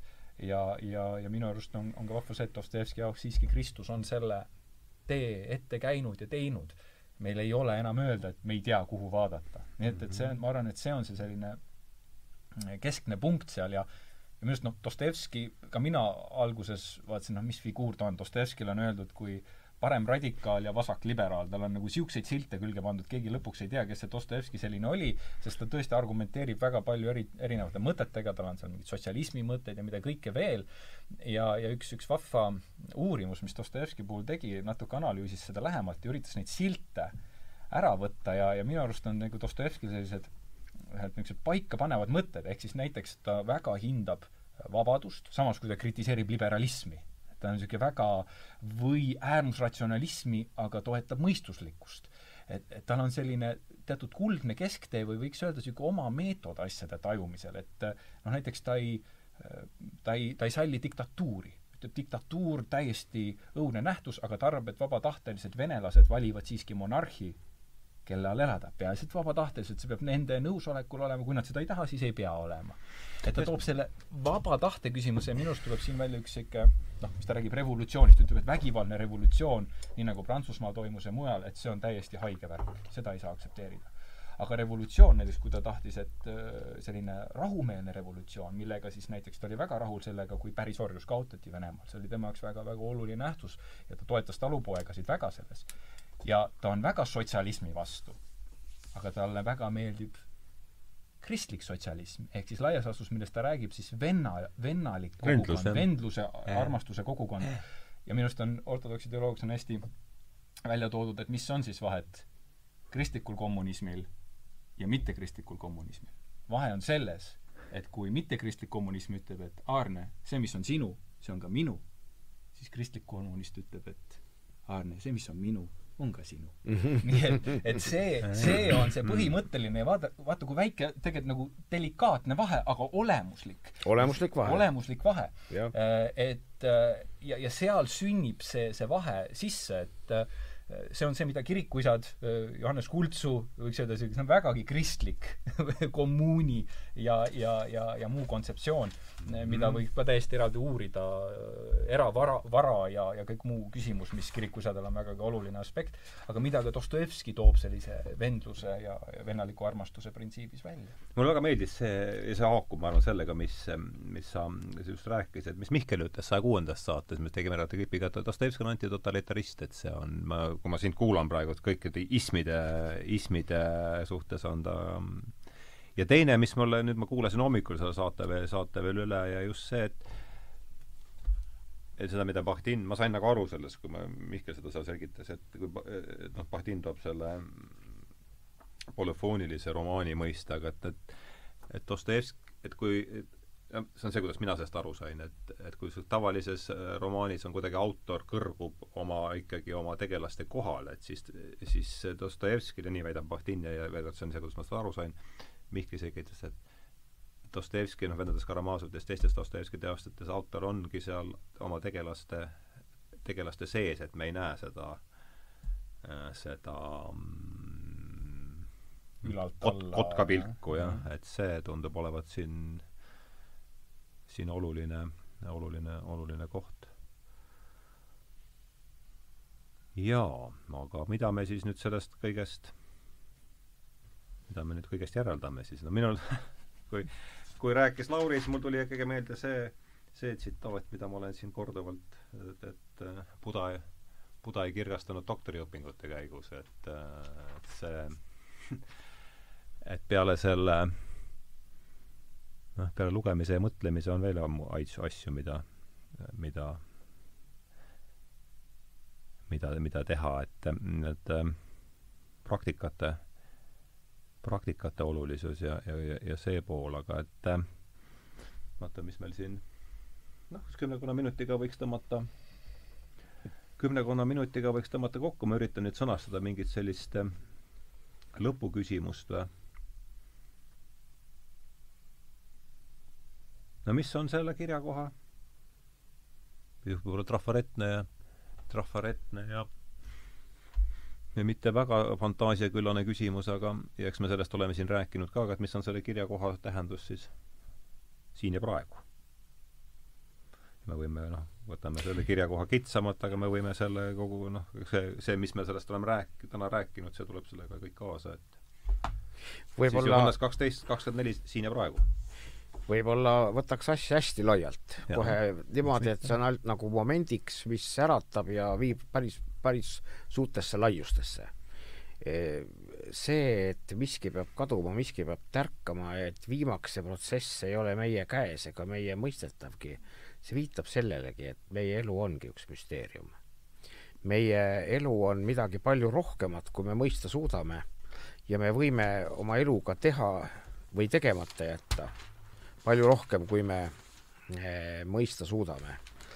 ja sõna usk näiteks, eh, mida seegi tähendab?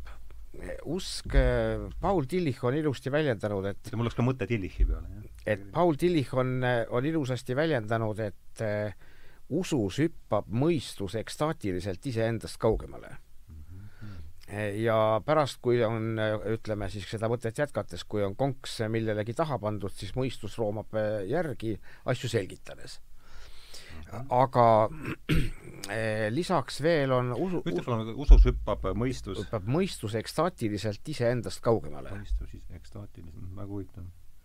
ja eks, ekstaasis on ju kreeka keeles eks on välja, ekspositsioon väljapanek, ekskursioon väljaminek või väljasõit, siis ekstaasis on siis staatilisest olukorrast välja, eh, stat vene keeles mm -hmm. seisma, steen saksa keeles kõik seesama sõna S-tähega et ja, ja ekstaas tähendab siis niimoodi võttes, nagu Tillich seda interpreteerib, et et mõistus hüppab ekstaasis meie norm-, hüppab oma normaalse, normaalseisundist kaugemale, kus ta kaeb transcendentsi mm. -hmm. ja sellega on seotud usk. Aktsepteerib seda, mida kohe veel ei suuda seletada, aga tajud, et on õige. Ja nüüd ta-, tagantjärgi hakkab mõistus järele roomama ja selgitama aga usul on veel üks niisugune huvitav omadus, on see, et et ta ühest küljest tundub, et ta nagu peegeldaks reaalsust, ta peab, sa pead midagi uskuma. aga teisest küljest on ta kuidagi ka mõjutab midagi. nii et äh, minu jaoks ei olegi lõpuni üldse selgitatud. usk ei ole subjektiivne, samal ajal kui subjektiivselt usk tuleb, on tal sees mingid objektiivsed elemendid, mismoodi need asjad käivad, jääb minu jaoks isiklikult müsteeriumiks.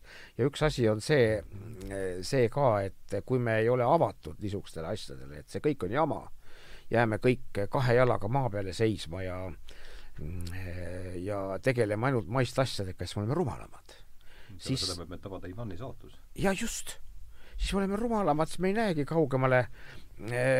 Ja seesamane lugu et nisuiva suremisest, ärkamisest, et me oleksime valmis vanast ja asjast lahti ütlema, kaugemale, kõrgemale kaema.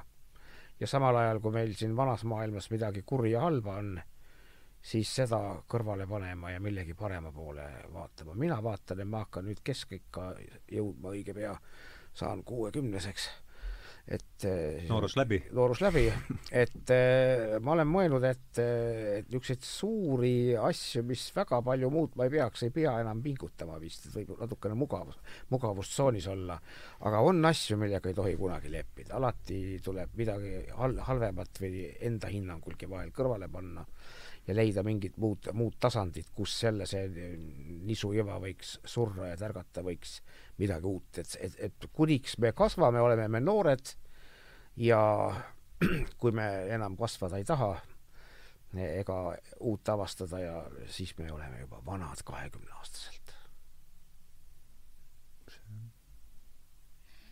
ma arvan, et, et see nisuiva lugu siiski ongi sellise äh, metamorfoosi ja, ja muutuse ülemineku taju, et mm, -hmm. et võib-olla just see kahefaasilisus minu jaoks on see, et mitte küsimus ei ole väga selles, kas, kas on elu pärast surma, vaid kas on ka elu enne surma. ja, ja need muutuse faasid on meil ka juba ennem, et me ei pea nagu ootama ainult mingit surma, et siis miskit tuleks, vaid, vaid need muutuse faasid, need pöördumised meie eludes toimuvad, võivad igal hetkel ja, ja siin ja praegu toimuda, et ma võib-olla mõtlesingi, et ma loen nagu need kaks kirjakohta ette, mida, mida siis niisugust kaks kirikuisa on, selle kohta öelnud ja, ja võib-olla see niisuguses jääb ka üle, üle ajastute nii-öelda kõlama. et Mopsest ja Theodorus siis kirjutabki järgnevat, et Kristus on justkui üks tavaline inimene, üksi ja ilma auta ja kirgastuseta. kuid kui ta läheb läbi kannatuse ja ristisurma, siis saab ta austatud ja tema auviljad tuntakse ära kogu maailma poolt ja kes selle ära tunnevad, pöörduvad tema poole. see oli nüüd üks kirikuisadest või? üks jah, Mopsest ja Theodoros ah,. Mm -hmm. ja teine on Konstantinoopoli prooklus. Kristuse kirgastus ehk tema surm ja ülestõusmine on auline, kuna see pani kreeklased Kristust otsima. muutis häbi, muutis häbi kirkuseks, solvangu auks äädika piimaks, kõrvakiilu vabaduseks, surma eluks. seesama au kinnitab osadust, avab paradiisi, juhib röövlit, kustutab viha ja saadab ära kurja. ma arvan, et see on see, mida ka Proklus ütles lõpuks, see, kuidas ta muudab, seesama au muudab solvangu auks, surma eluks. Et, et võib-olla ka need, kes on usklikud ja need, kes ei ole usklikud, et seesama kutse kõigile on, ma arvan, siin kehtiv universaalselt. et see muutus saab olla ja võib-olla oleks aeg natuke seda usuproovi, nii nagu ka Aarne siin välja tõi, seda usaldust, usku ja julgust võtta, et, et seda teha. ja siis võivad meie isiklikus elus ja ka inimestel meie ümber toimuda väga suured muutused, isegi kui filosoofilis, ratsionaalses diskussioonis see võib tunduda kõik natuke veider või isegi mitte lõpuni argumenteeritud. nii et ma arvan, et see askees või, askees on minu arust hea termin, paljud pelgavad seda terminit, kui nad ei mõista selle sisu, aga askees on äh, vägagi niisuguse praktiline, praktiline aspekt, see ju tähendab harjutust, eks, harjutama. ja kui me, kui me harjutame elus, siis me, me saamegi äh, paremaks ja, ja harjutamine nõuab pealehakkamist, nõuab tegemist. kui ma lihtsalt istun ja olen tugitoolisportlane, siis sellest askeesist ja harjutamisest jääb nagu, nagu palju, palju puudu et tuleb see selles mõttes ette võtta ja proovida seda usaldust ette võtta. ja siis ma arvan, toimuvad imed meie kõikide elus. asjad tuleb lihtsalt teha ära kuulsin ma hiljuti innustavat. aga ma siis äh, ütlen oma sõna, kui ma teid kuulasin selle lõpus, et siis mul tulid meel-, tuli meelde see, see tükike, mille ma tõlkisin eelmisesse, eelmisesse lehte tähenduse teejuhti viiendasse numbrisse, see on siis lõik ähm, Charles Eisensteini raamatust The more beautiful world our hearts know is possible. varasemates raamatutes olen ma tutvustanud oma vaatenurka sellele protsessile. minu arvates rajaneb inimkonna kultuuriline evolutsioon kasvumüüdile. Kasvule järgneb kriis, kriisile kokkuvarisemine, kokkuvarisemise, kokkuvarisemisele taassünd millest tekib uus tsivilisatsioon, eraldatuse, eraldatuse epohhile järgneb taasühinemise ajastu. on täiesti võimalik, et tähendusrikkad muutused leiavad aset üksnes pärast kollapsit. üksikisik, üksik, üksikisiku tasandil on see paljudel juhtudel kindlasti nii. ma võin mõistusega aru saada, et ma ei saa enam vanamoodi jätkata ja pean oma elukombeid muutma. Jah, ma tean, et pean suitsetamise maha jätma, hakkama sporti tegema, krediit, krediitkaardi kinni panema ent kui sageli võtab keegi vaevaks muutuda ilma mingi suurema raputuseta või mis veelgi tõenäolisem, paljude raputusteta. lõppude lõpuks on meie kombed osaks olemisviisist, mis kätkeb endas elu kogu selle mitmekesisuses. seetõttu öeldaksegi, selleks, et muuta ühte asja, on vaja muuta kõike. ühiselu tasandil käivad asjad samamoodi. Kui me hakkame aduma, et kõik meie süsteemid on omavahel tihedalt seotud, siis taipame peagi, et me ei suuda muuta oma energiatehnoloogiat, kui me ei muuda majandussüsteemi, millal see rajaneb. me mõistame ka, me mõistame ka seda, et kõik meie ühiskondlikud institutsioonid peegeldavad meie sisse juurdunud maailmataju, teadvustamata ideoloogiat ja uskumusi. kui ma ütlen, et ökoloogiline kriis, nagu kõik muud kriisid, on spirituaalne kriis, siis ma pean silmas just seda. ma tahan öelda, et põhjused ulatuvad väga sügavale meie olemusse ja puudutavad meie eluviisi kõiki aspekte ja see on selline väljatõste koht ja sellega ma lõpetan oma pika tiraadi. ja mida me mõtleme ja mida me oma olemuse sügavuses siis leiame? mida ma mõtlen ülemineku all ühest maailmast teise? kui me kaevame välja meie tsivilisatsiooni kõige sügavama kihini, leiame sealt loo, mütoloogia. see on inim-, inims-, see on seesama inimese võidukäigu lugu, mida ma eelpool mainisin. See kujutab endast võrgustikku narratiividest, kokkulepetest ja sümbolitest, mis võtavad kokku selle, kuidas meie kultuur vastab elu kõige tähtsamatele küsimustele. Ja need on siin välja toodud kuus. ma loen need ette siis, kui lugemiseks läks.